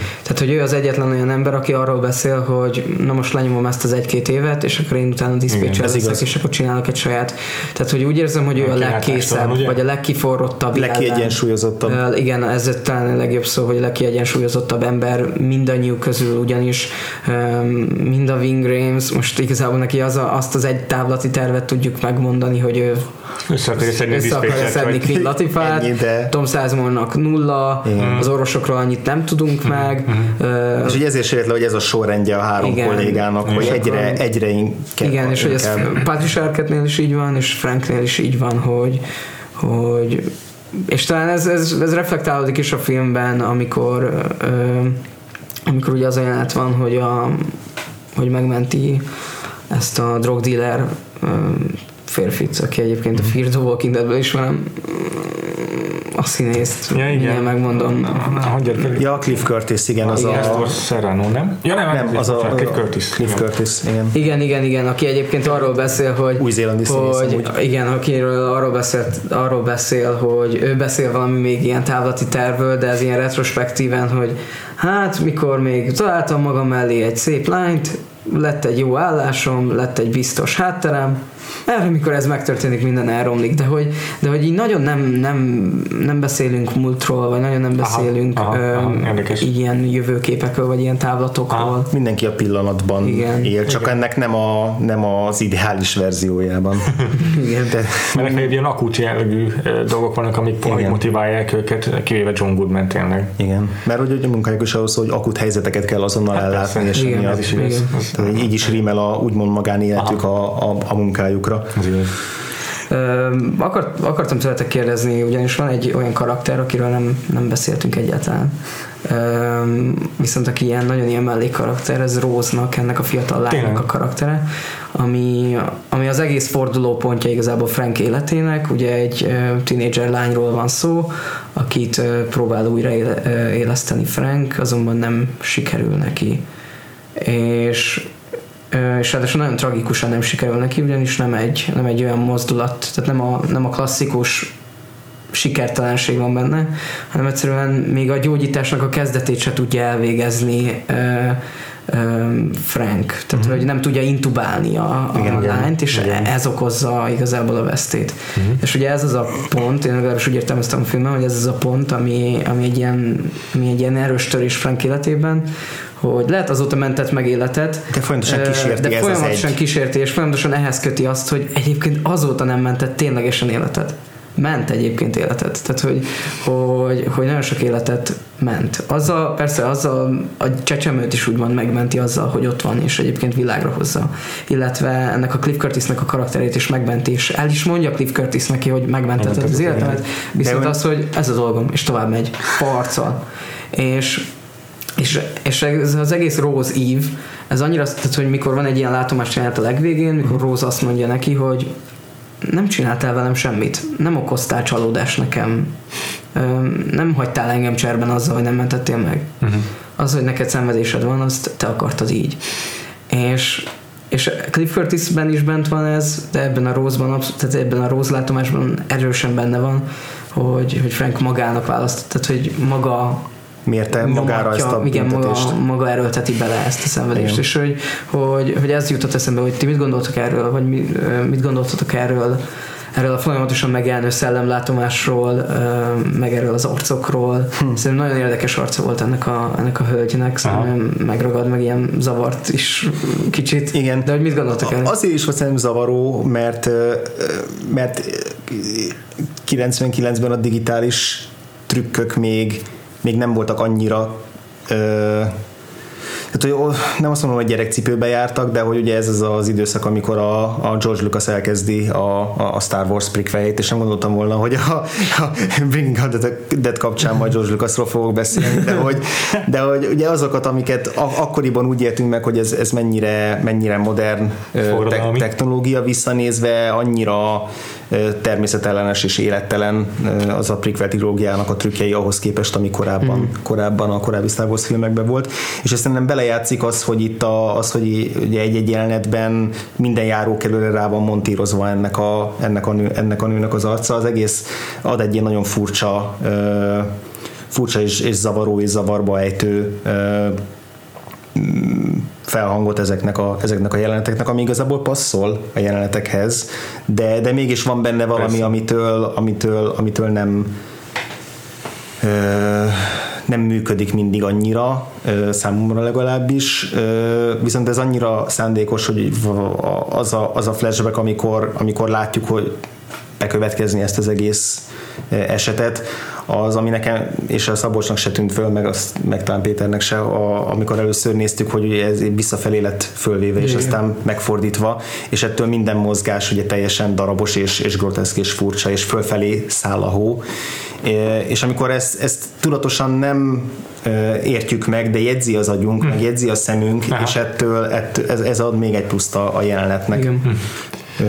És azt szerintem, akiről még a legkevesebbet beszéltünk, az pont a Arquette, mert hogy nekem ő a, a leginkább gyenge pontja a filmnek, nem is a karakter, hanem inkább az alakítás miatt. Aha.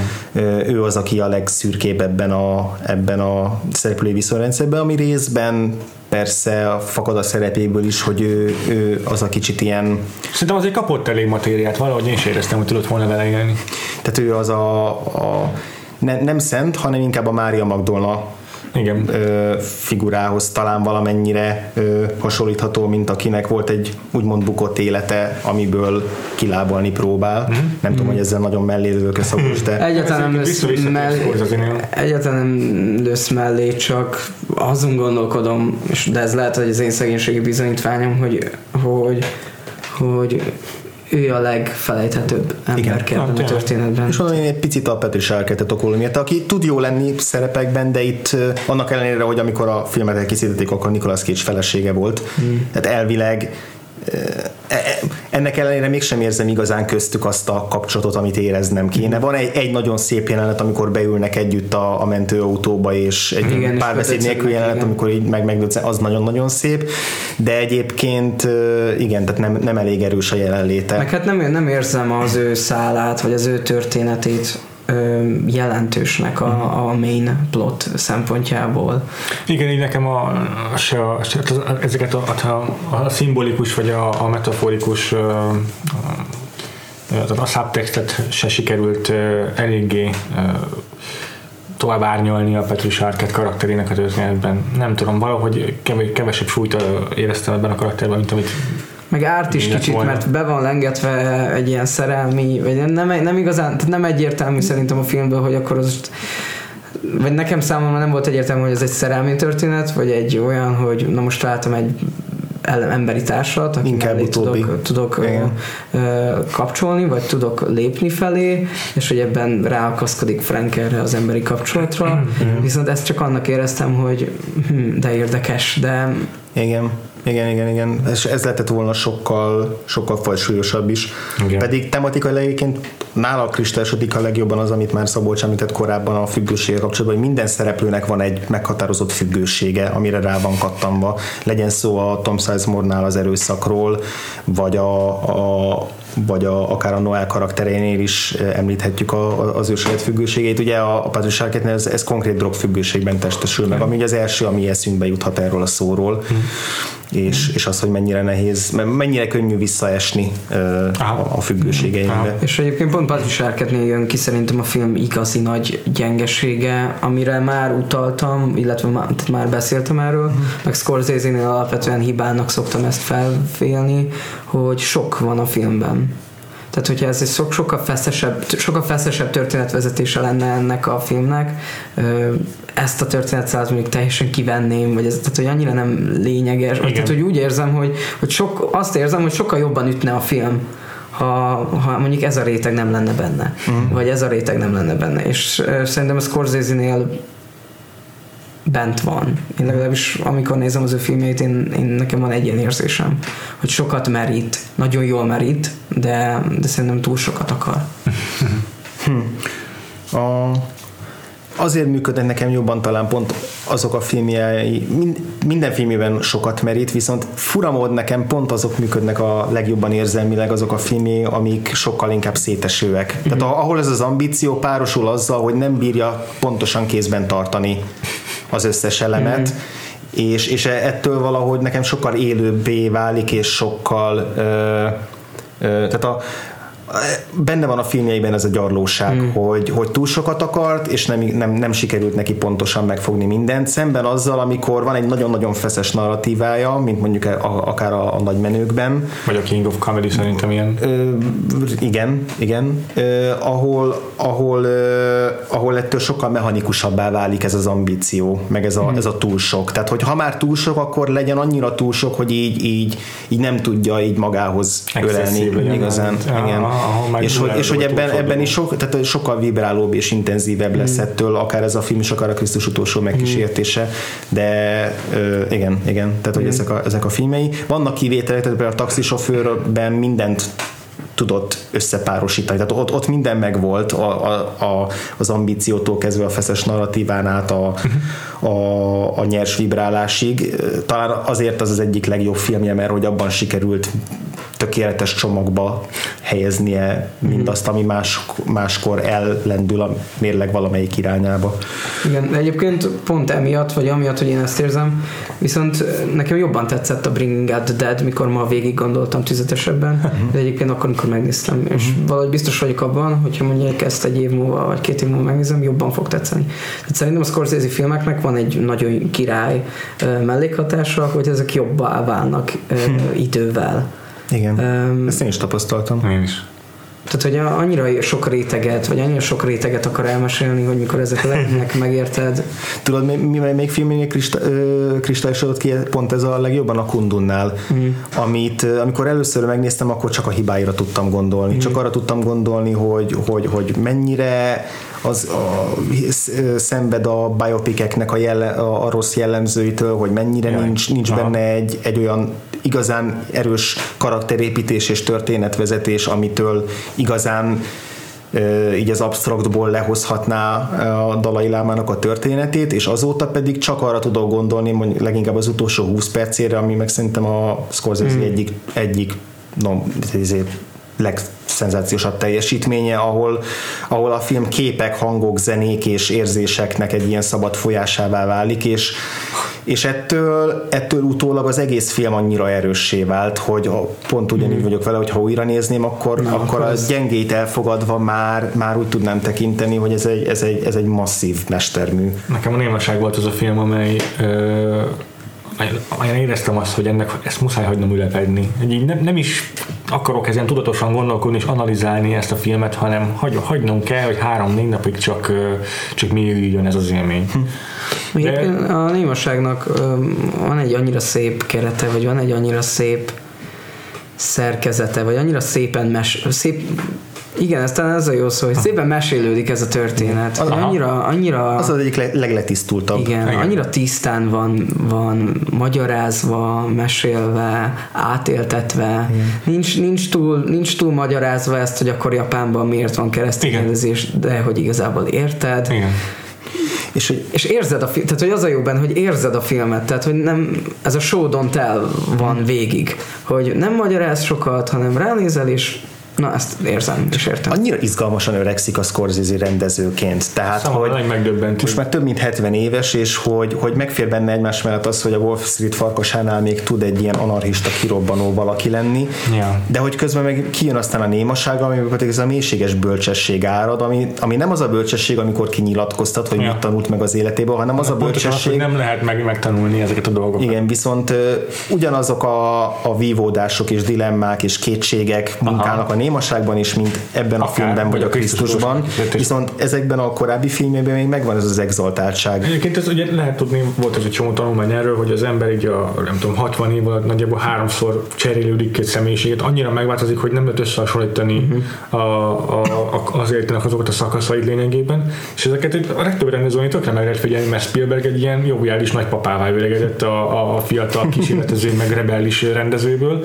Scorsese-nél meg is van egyfajta konzisztencia, annak ellenére, hogy tényleg látni ezeket a változásokat a felfogásában. Meg, meg szerintem üdítő interjúkat nézni a, a most Aha, már idős igen. Scorsese-val, és különösen úgy érzem magam mellette, mint hogyha nem a saját nagypapámra néznék, vagy a saját nagy, nagyapámat nézném, de nem abban az értelemben, hogy tényleg kifejezetten a tényleges nagypapám jelenik meg, hanem egy annyira egy ilyen nagypapa idea van benne, az a, a bölcsesség, uh-huh. hogy, hogy ő érti az, amiről egyébként, ahogy, ahogy történik ez a világ, hogy bármihez nyúl, nyúl a tőzsde világához, és hogy, a, hogy az emberi um, az emberi nagyra vágyásról nem érti. Csinál egy filmet arról, hogy, hogy az identitásnak a létéről, vagy a fontosságáról, az identitás megtartásáról egy krízis helyzetben. Egyáltalán egy krízis helyzet kezelésről mondjuk a némaság érti. Nézzük a, a Bringing, the Dead, Bringing Out the Dead-et, amiben, amiben szintén egy ilyen krízis helyzet, vagy egy ilyen intézményes krízis helyzet kezelés. Azt érzem, hogy érti. És szerintem, ha a Scorsese-re gondolok, ez az a egy szó, amit, amit így ki tudok emelni, hogy, hogy ő érti, amiről filmet csinál. És szerintem ez egy szerintem ezt teszi őt nagyjá igazán. Aha. Hogy, vagy számomra ezt teszi őt mm. igazán. És ez most, most főleg mióta van ez a vakfolt uh, blokk, de nem azért, hanem mert azóta mióta már többet gondolok bele, Aha. hogy, hogy, Persze. hogy többet gondolkodok ezen, hogy, hogy egyébként miért jó rendező Scorsese. Emiatt, mert én úgy érzem, hogy amihez nyúl, ő azt meg akarja érteni, és, egy, és eljut egy olyan pontig, hogy ő érti. És az a pont, az maga a filmvászon. What's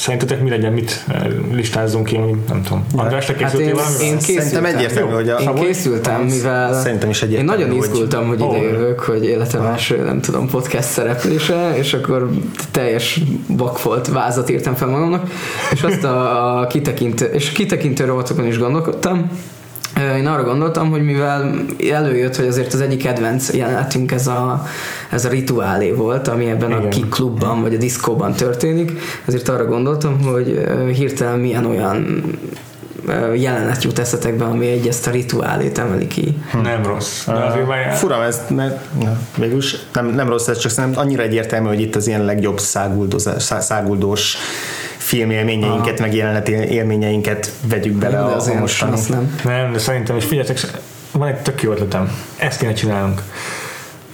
Mivel beszéltünk arról az előző podcastban is, hogy itt véget ért egy ilyen korszak Scorsese karrierjében, hogy többet nem forgatott azóta De Niroval, ezután meg egy csomót forgat majd a 2000-es években DiCaprioval, és hogy ez egy ilyen beikerüli kettő a kettő közé ez az egy film, mint a Nicolas Cage korszaka Scorsese-nek. Hogy milyen lenne, hogyha ezt kiterjesztenék ezt a Nicolas Cage korszakot más filmekre, és mondjuk képzeljük el, hogy milyen lett volna, hogyha Nick Cage látszott volna más Scorsese filmekben főszereplőként. Ez, ez meg egy tök jó gondolatkísérlet. Igen. Jó, Jó, mondjuk, mondjuk, ilyen, ilyen se volt még, hogy tehát olyan már volt, hogy nem találtunk kitekintő ötletet, és emiatt így anyagoltuk a kitekintő robotot egyet, olyan még nem volt, hogy így három tök jó ötletünk van. Végül is akár követhetnénk azt is, amit Scorsese csinál, hogy így mindent beletesz a filmjeibe. Mindenben egy kicsit, Hát akkor legyen az, hogy a top 3-ból egy-egy helyezettünk, Jó. egy-egy top listának egy-egy helyezettje. Jó, de akkor viszont ezt gondoljuk át, úgyhogy szerintem vonuljunk el a kis telefonunkat, Jó. és találjuk ki, hogy mi is lesz az, amit kiválasztunk. és mindjárt, mindjárt visszatérünk, amiből ti hallgatók semmit nem fogtok érzékelni, mert, mert rögtön folytatni fogjuk, de. De, de egyébként azt még el szeretném mondani, hogy, hogy én megkérdeztem ezt a mi kis twitteres beszélgetésünkben, és nem kaptam választ.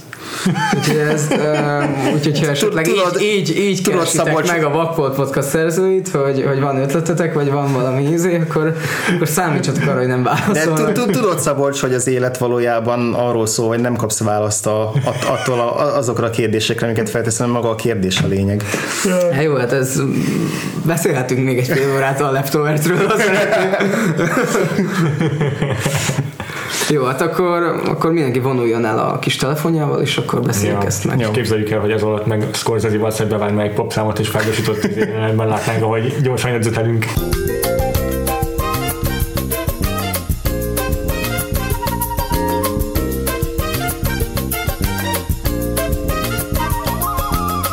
Szerintem kezdjük akkor Szabolcsal, mint vendégünkkel. Akkor elbízom, hogy most melyik top három listából hanyadik helyzetet választod egy, egyet nekünk. Uh, jó, én először elindulnék ezen a Nick Cage gondolatkísérletem, Majd, hogy milyen más Scorsese hogy milyen más Scorsese filmet tudnám elképzelni. Szerint um, először, mikor mikor kimondtad ezt, akkor egyből a Wall Street Farkas jutott eszembe. Érdekes. Szerintem ez egy nagyon um, Szerintem el tudna szállni Nicolas Cage kellően, hogy, hogy az hasonlóan élvezetes legyen. De aztán rájöttem, hogy, hogy egy olyan filmben tűnne ki igazán, vagy lenne jó igazán, amit egyébként én nem láttam, de ti nagyon jól láttatok, az a King of Comedy. És akkor lenne a King of Comedy, hogyha az most készülne el. Aha. Tehát a mostani Nick Cage. Aha. Ugyanis szerintem ma Nick Cage egy ilyen cringe alak a filmekben, Aha. aki, tehát hogy ma olyan filmekben játszik, vagy olyan, olyan színészi jelenléte van, hogy mintha nem lenne ott. Vagy Mint mintha hogyha egy teljesen másik univerzum. Igen, igen, És szerintem ez a King of Comedy-ben az alapján, igaz. mert végighallgatom az adást, meg pár jelenetet láttam, és az alapján szerintem tökéletesen beleillene Nagyon ebben a, tehát egy külön, univerzum lenne. Teljesen igaz. Teljesen igaz. Akkor én is elmondom a saját harmadik helyzetemet egy, egy tetszőleges toplistáról. és én akkor kezdem Andráséval, és akkor így adhatjuk körbe egymásnak. Az enyém akkor az jó. autós szágoldozás jelenet lesz. Nagyon sokat gondolkodtam, mert rengeteg kurva jó autós jelenet van. Mhm. Uh-huh. És egy olyannál maradt, ami a, az ilyen klasszikusabb autós jelenetek egyik, amikor rá van téve a kamera motorháztetőre, és így beszél bent a szereplőket. Nem, nem, nem, nem, de nem tudtam tovább menni az első, ez, ez, ez első gondolatomnál, ugyanis azt választottam, ami elsőre beugrott, mert úgy gondoltam, hogy akkor annál jobb úgyse lesz. és ez pedig a Wayne világából az a jelent, amikor a Bohém Rhapsódiára headbanger. Erre nem számítottam.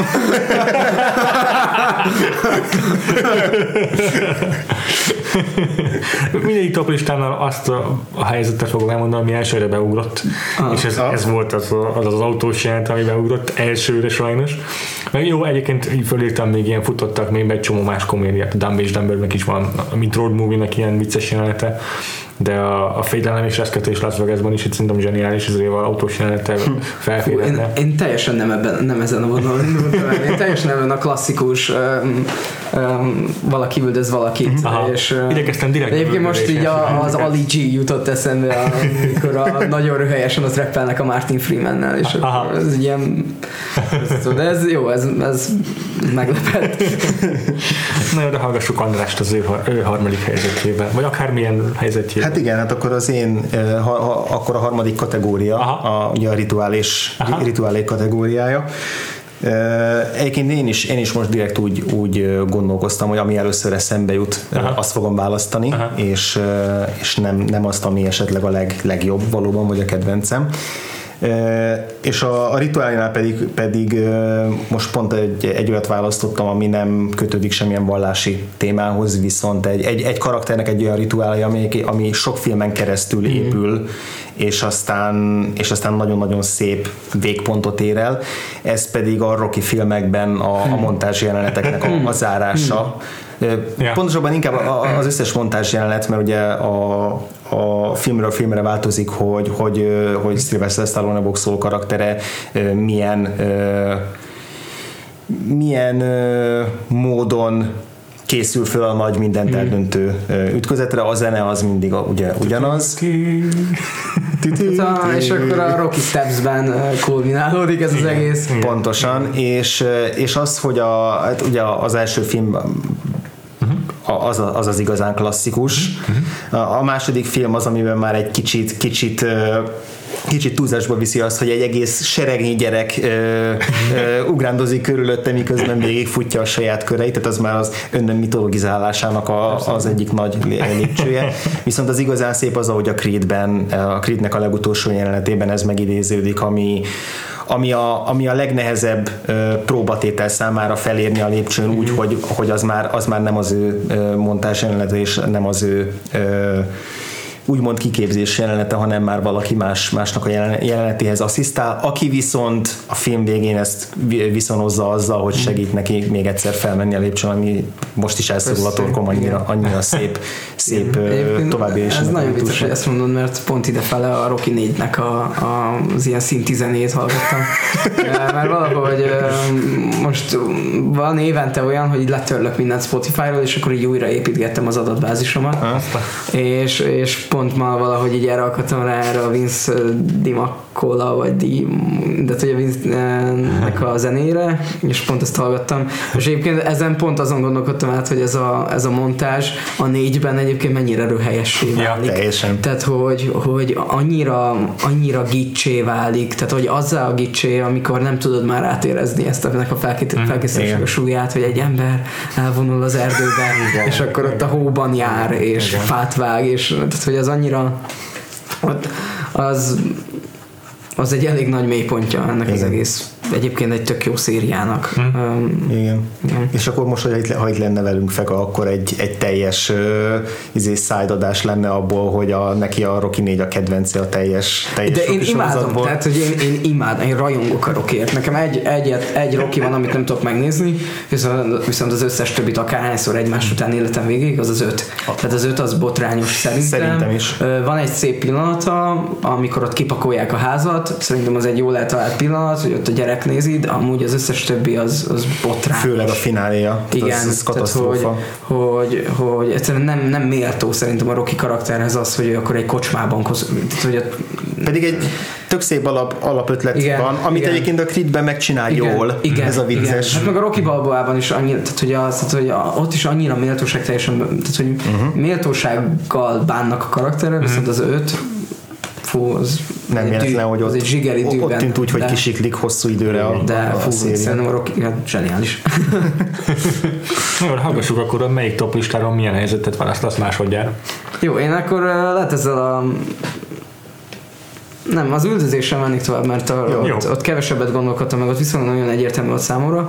Én egy klasszikus autós üldözést választottam, egy Nicolas Cage filmből, a tolvajtempósat, ami, ami nem azért, mert hogy ez egy ilyen igazán fasza autós üldözés lenne, hanem amiatt, hogy, hogy, hogy annyira a gyerekkori filmélményeimet hozzá elő mind a tolvajtempó, mind, mind az az autós üldözés, azzal a tipikus tét nélküli ö, szágoldozással, mert ott igazából az a tétje, hogy akkor beszállítja ezt az autót, vagy nem, és amúgy meg végül nem, de hogy így abban annyira jól megvan ez a 90-es évek akciófilmnek, filmjeinek a bája, meg, meg a humora, így nagyon magam előtt van ez a Shelby GT500-as Aha, tolatva megyek a rendőrök elől, és nem tudom, tehát, hogy, Mhm. hogy és annyira lubickol Nick Cage ebben a, a faszacsávó vagyok szerepben, hogy szerintem ez egy Tehát szerintem nem kifejezetten, mint A autós újságban, üldözés, hanem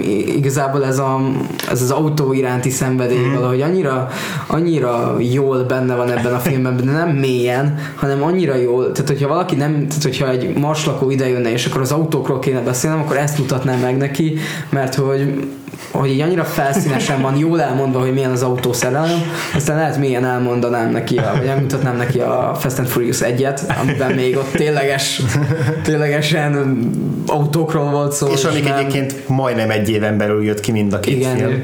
és, hogy, hogy és tényleg arról szól, aminek egyébként kéne szólnia, és nem Ah. két felhőkarcoló közötti átrepülésről, vagy valami. De hogy, de hogy az a Gun in 60 Seconds, amin, ami egyébként egy remake, és Igen. sajnálom, hogy nem láttam még az eredetit. De Nem mindig hogy, baj. de hogy ez így elevenen bennem van, meg ez, ott is van egyébként egy tök jó rítus ezzel a lowrider-ös, na akkor, akkor kezdik el az autólopást, mikor. Ja. Tehát hogy szerintem ez egy nagyon ö, szép és tök jól öregedő film. Igen, a, nekem az a kép van meg rögtön először, hogy a Robert Duval írja föl a nagy táblára Igen. a megszerzett Igen. kocsikat. Azért is, ö, gyerek, kisgyerekkoromban volt ilyen nagy automániám, amikor, Hmm. amikor így ránéztem egy autóra, és azonnal megmondtam a típus számát, és Hmm. ilyen autós kártyákat így az, az, azokból ma volt, tehát az, azokat így kérdeztettem ki a szüleimet, tehát általában ilyen brutális volt, hogy tényleg így álltunk az út szélén, de így megkértem a szüleimet, hogy álljunk egy darabig az út szélén, és akkor elment valami, és megmondtam, hogy az milyen kocsinak. Ma ebből semmi, tehát az- égvilágon semmit nem ismerek föl, és nem, nem is érdekel az egész, viszont a tolvajtembót azt Ja, imádtam. meg egyébként annyira ikonikus, tehát hogy a, nem a film maga, hanem a, a típusok, vagy ezek a, a motivumok a filmben. Tehát a zenéje is, az a több, tök, egy teljesen tipikus 90-es, 2000-es évekbeli autós zene. Az Doug Lyman film, ugye? Jó, Nem tudom sajnos. Nekem valahogy, hogy, hogyha nem, akkor ez egy újabb hülyeség lesz, amit mondtam a podcastben, de nekem úgy rémlik, mint ez Doug Lyman lenne. De nem, nem. Hát én most már nem, csak, akkor- a, akkor csak a szőke Angelina Jolie-ra tudok gondolni. Ja. Jó, Péter? Oké, tovább megyek a rituális uh, top listával, és akkor így a végére hagyhatja mindenki a saját maga által választott témáját. Mm. És az én rituálém, amit választottam, az természetesen az első, ami beugrott rituáli té- témakörben, az Indiana Jones és a végzett templomából. Ha csak annyit mondok, hogy Kalima Shakti De, azt hiszem mindenki tudja, miről van szó. Én nem, mert az csak az első és a harmadik filmet láttam mindmáig az Indiana Jones szériából, de Jó, hát akkor mesélj egy kicsit. formájában ez biztos láttad. De persze azért tudom, hogy tudom, hogy miről beszélsz. Igen, amikor a kos, sisakos, izé, Enyhén rasszista ábrázolása a törzsi kultúrának, igen, igen. igen, sámán elkiáltja magát igen. felkiáltással, és benyúl egy embernek a melkasába, és kitépi a szívét. Igen, igen. Nem is kitépi, csak kiveszi lényegében, mert átnyúl a bőrén. Hát ö, elég félelmetes, főleg, hogy ez egy viszonylag Hmm. ifjúsági film. Hát azt hiszem, azt hiszem, hogy az volt az a film, aminél kitalálták azt, hogy jó, akkor kicsit át kell alakítani a korhatár, Ja, ja, ja. korhatárrendszert. Azt hiszem, akkor, le, lehet, hogy egyébként már cápánál, de mindenképpen Szerintem ez- ez volt az a- első, ahol behozták a PG-13-t, vagy újra definiálták ezeket a korhatárokat, igen. Egyébként visszagondolva, ezen, ez egy tök jó gondolatkísérlet, vagy egy, tök, vagy egy elég érdekes gondolat, hogy, hogy, hogy Spielberg, akit szerintem kifejezetten sokan lenéznek, vagy, vagy sokan úgy tekintenek rá, hogy, hogy a hogy mivel ő a blockbuster, meg a mainstream kultúrának az éllovasa, ezért nem igazán, igen, meg hogy, meg hogy, hogy nem Hogy ő igazán lehet rá tekinteni az meg- igazi művészi Aha, filmek, de igen, hogy igen. egyébként, hogyha így belegondolunk, akkor, mikor ezek a cápa, vagy egyébként ezek a, a azok a gyerekkalandfilmek, amik Igen. Igazából a horrorból épülnek, Igen. mint a, a, van egy nagyon jó videó, úgy videó eszé Youtube-on, nem is tudom hirtelen most kitől, ami arról, arról elmélkedik, hogy egyébként a Jurassic Park egy horrorfilm, Mm. és, hogy, és hogy pont azért működik, és hogy a mai blockbusterekből ez a horrorfilm ez teljesen kiveszett, Aha. És hogy ezért nagyon sok blockbuster már nem működik, mert ezek a horror, vagy ezek a horror, meg a thriller elemek így teljesen kiestek Mm. belőle.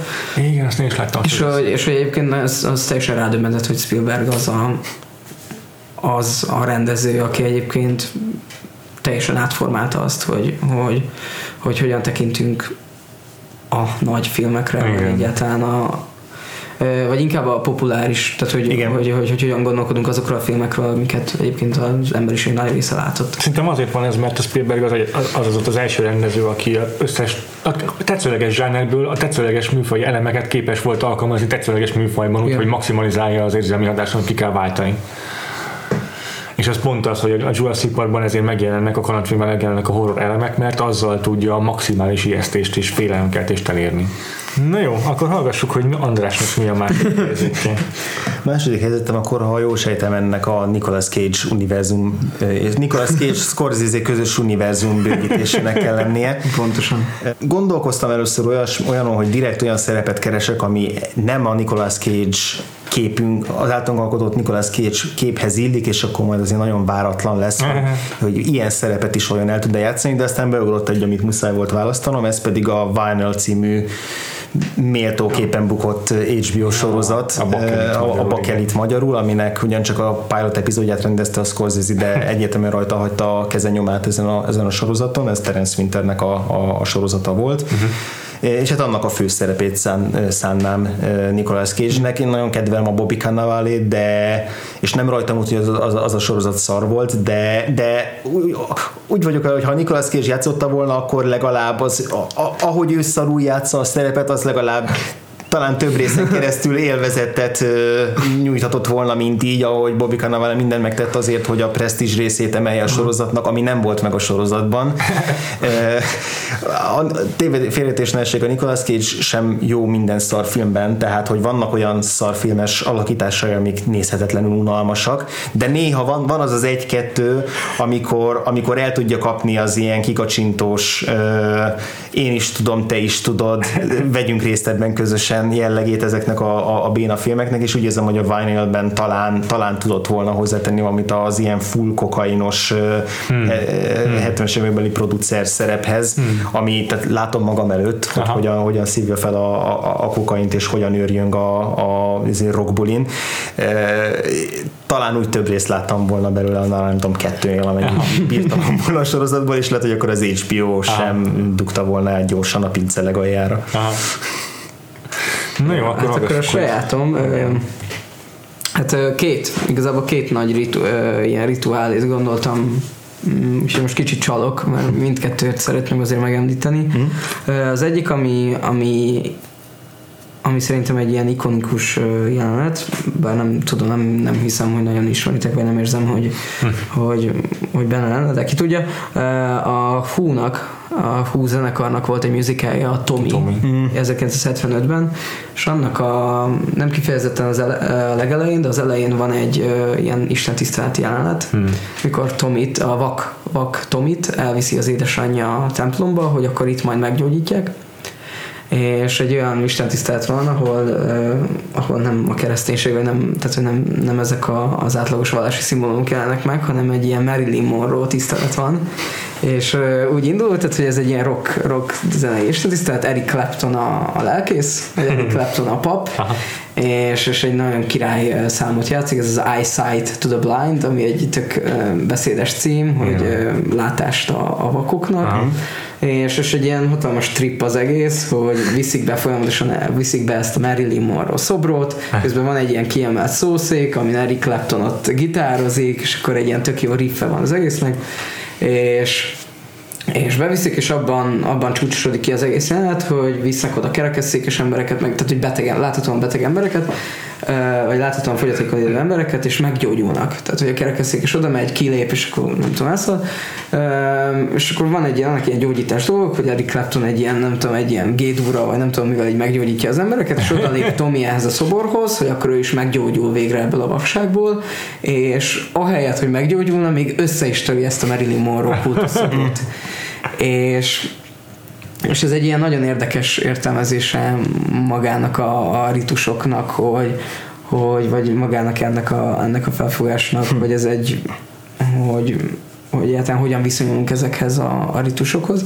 És, és ebből jött igazából a másik ötlet, hogy, hogy azon gondolkodtam el, hogy, hogy hogyan is viszonyulunk ezekhez a ritusokhoz, az pedig az idétlen időkig, uh-huh. a Bill Murray is Groundhog Day, ami nem feltétlenül az, hogy egy, egy kon- konkrét ritus, hanem az, hogy újra kezdem a napot ugyanúgy a Sonny se rágát bébbal, és ugyanazzal, és hogy és ugyanúgy megtörténik az a Igen. beszélgetés, hogy mit kell reggelire, nem tudom, tehát ugyanaz a ritusnak az ismétlődő jelen. Igen, és egyébként ez az életünk, tehát hogy egyébként a, bár beszélünk rituálékról, meg spirituális ritusokról, meg nem tudom, de alapvetően az ember vallásos gondolkodása az nem a konkrét vallásosságban rejlik, hanem abban, van, hogy nekem az kell Aha. az életemhez, Az hogy én minden nap hatszor megmosom a kezemet. Aha.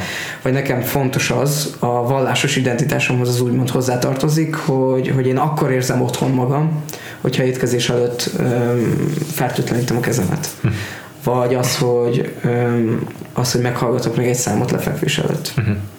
És, és szerintem az idétlen időkig ez maximálisan Mhm. teljesíti ezt, vagy maximálisan bemutatja azt, hogy egyébként mennyire ritualizált a mi életünk, vagy rávunktágít arra, Hm. hogy, hogy mennyire ritualizált az, ahogy mi felkelünk, elindulunk, csinálunk valamit, lefekszünk, nem tudom, azzal, hogy ennyire repetitív. Mert a mi életünk is valahogy repetitív. Úgyhogy ebben így nagyon, nagyon elérzékenyültem ebben a motivumban, úgyhogy nem, nem bocsánat, de el kellett mondanom mindkettőt, mert szerintem nagyon érdekes az, ahogy, ahogy a ritusokról gondolkodik ez a két Aha. megjelentés. Ez nagyon jó, hogy mind a kettőt mondtam, ez, egy, ez egyik az egy all-time kedvenc filmem, a másik pedig olyan mértékben traumatizált, hogy máig nem bírok rá gondolni. A Tommy Tommy, traumatizáló. igen, azt nagyon... Hát igen, azért azt Elton John nagyon- nehéz bevenni a azt- Pinball Wizardben. Azt nagyon gyerek, nagyon-nagyon gyerekfejjel láttam, amikor még a pszichedéliá- pszichedéliához túl kicsi voltam, és, és az nagyon megnyomott az a film, úgyhogy Én meg elmondom akkor, hogy mit gondoltam az ideális Nicolas Cage Scorsese kollaborációnak, és szerintem tényleg megtaláltam a tökéletes szerepet erre. Ez pedig a Shutter Island főszerepe, amelyet, amelyet egyébként Leonardo DiCaprio játszott. Ugye, beszéltem róla már az adásban, hogy a 8 mm-ben mennyire jól áll Nicolas Cage-nek a film noir, és a Shutter Island is elég sokat köszönhet a film noirnak, vagy sok elemet kölcsön az abból a műfajból. És mindezt kombinálja azzal, hogy a főszerepben egy ilyen belső konfliktusoktól tépázott, az elméjének a különféle védőbástyait így el- elveszítő, paranoid, meg az őrület határán így keringő karakter uh, játszik. Teljes mindfuck az egész film, halucinációk, minden kellékével, minden, hát a, horrornak, meg ennek az ilyen mindfuck uh, uh, narratívának az összes kellékével, ezek tökéletesen passzolnak Nicolas Cage-hez. És olyan Leonardo DiCaprio is pont azzal az intenzitással játsza ezt a szerepet, amivel amúgy amivel pont elképzelném Nicolas Cage-et, úgyhogy szinte sajnálom is, hogy nem őt castingolta be erre a szerepre. Martin Scorsese. Na jó, hallgassuk akkor Andrást. Az autós üldözésnél nálam mindig egyértelmű, hogy melyik, a, melyik az első helyezett. A, a, általában benne szokott lenni minden top listában valahol a, az élmezőnyben. A francia kapcsolat általában mindig megelőzi, mert az a, az, az egyik legfőbb hivatkozási alap, Igen. viszont én ezt a filmet előbb láttam, és ezért valahogy nem, az. meghatározódna, mond. Bullit. Nope, nem talált. Ajaj. Azt is nagyon szeretem, de ezt a filmet még annál is előbb láttam, és, és egy Robert De Niro filmről van szó. A, Én tudom. az- a, az Mondjad, 1998-as Ronin, igen, Ah. igen. ami nekem egy nagy, nagy kedvenc film, szerintem a, a 90-es évek egyik legjobb zsánerfilmje, és legalulértékeltebb zsánerfilmje, ez John Frankenheimernek a filmje. Aha. Nagyon jó, feszes, noáros hangvételű, ilyen e- európai Aha. filmekre is hajozó film. Igen. Tök jó ilyen all-star castinggal, tehát a Stellan Skarsgårdtól kezdve a, a, a Jean Reno, a Jonathan Price-ig ö, rengeteg nagyágyú ö, szerepel benne. Sean Bean nem hal meg ebben a filmben, ami egy Nem teljesen, létezik. teljesen váratlan dolog. És ennek a filmnek az egyik csúcs jelenete a, az, amikor, amikor majd a szereplőknek a nagy része, majdnem az összes szereplő egy, egy nagy autós üldözésbe bonyolult. Tehát ez tényleg egy klasszikus autós üldözés. Európai városonban zajlik a, a valóságban, ezt, ezt több például Nizzában, Párizsban vették föl több helyen. És hát körülbelül olyan őrült volt ez a Frankenheimer, mint most a, izé, a George Miller, hogy kitalálta, hogy ő, hogy ő mindent valós eszközökkel akar megcsinálni, mert a technológia még nem tartott, hogy autós üldözés az nagyon valós, val, valószerű legyen, úgyhogy ilyen több száz izé, statiszta meg autó szerepeltetésével repesztettek végig a forgalmas utcákon. Egy csomó kocsiban ráadásul betette a színészeket konkrétan, hogy látszon az arcuk ugye a felvételeket, itt ilyen életveszélyes mutatványokat hajtottak végre, már csak ezért sem ezért is csoda, hogy megvalósulhatott még egyszer most a, a Mad Max-ben egy hasonló dolog. Most össze ezt mondjuk a Michael Bay féle ezért Bad boys ahol vannak a távoli felvételek, meg vannak a közeli felvételek, amikor az állóautót kormányozza a Martin Lawrence. Igen, tehát e- ettől teljesen autentikus ez az üldözés, ráadásul tényleg ilyen nagyon szikár, tehát, tehát semmilyen nagy izé, három tripla szaltót végrehajtó dolgok nincsenek benne, hanem tényleg csak a, a, az üldözés része, viszont a, a, sebességmámort, meg azt a, azt a feszültséget, amit ad egy ilyen, hogy benne ülsz egy ilyen több száz kilométer per órával repesztő kocsiba, és, és ennyi, ilyen hajszálon múlik az életed, de közben, közben utol kell érned a, azt, akit üldözöl, tehát ezt, ezt annyira, annyira erősen adja át. Az egyébként kifejezetten ilyen hűvös eleganciával elkészített film, és ebben a jelenetsorban is van egy ilyen hűvös elegancia, és közben mégis így karfamarkoló, úgyhogy muszáj volt ezt választani. Én csodálkozom, hogy egyikünk se tette fel a listájára a Drive-ot, mert abban van egy ilyen céltalan krúzolás, mint amilyen a, a, a Bringing Out the Dead-ben. Ebben most, a, most amíg elvonultunk, gyorsan kinyitottam a Watch Mojo-t, aminek mindig ilyen tök silány listákat készít egyébként, de hogy így gyorsan megpörgettem, hogy, hogy ilyen top. 10 car chases, és akkor és um, ott egyébként azért is, azért is vettem fel a, a Ronint, mert, mert ott a hatodik volt, vagy hetedik mm. volt. Aha. A Steve McQueen-es volt a, az első. A, Aha, hát igen, mint a, Igen.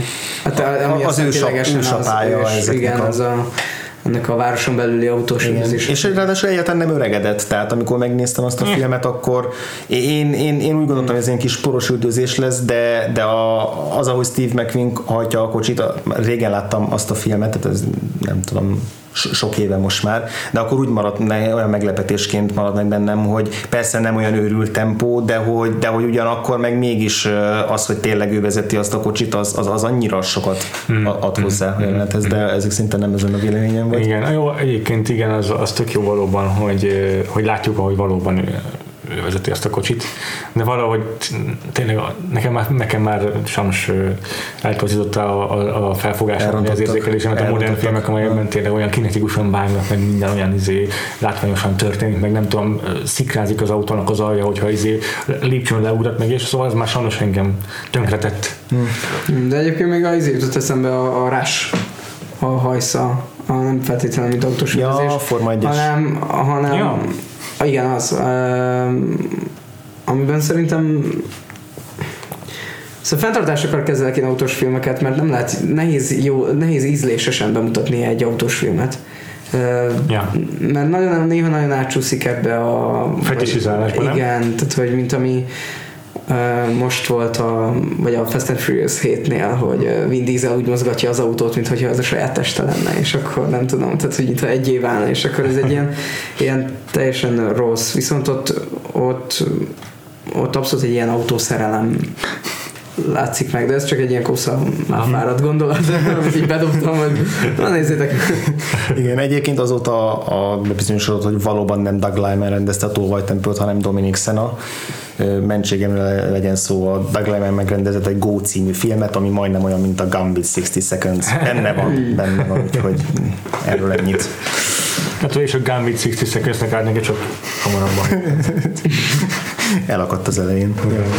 Na jó, köszönjük szépen, hogy végighallgattatok bennünket, és köszönjük a, a, azt, hogy eljöttél hozzánk a, beszélni erről a filmről.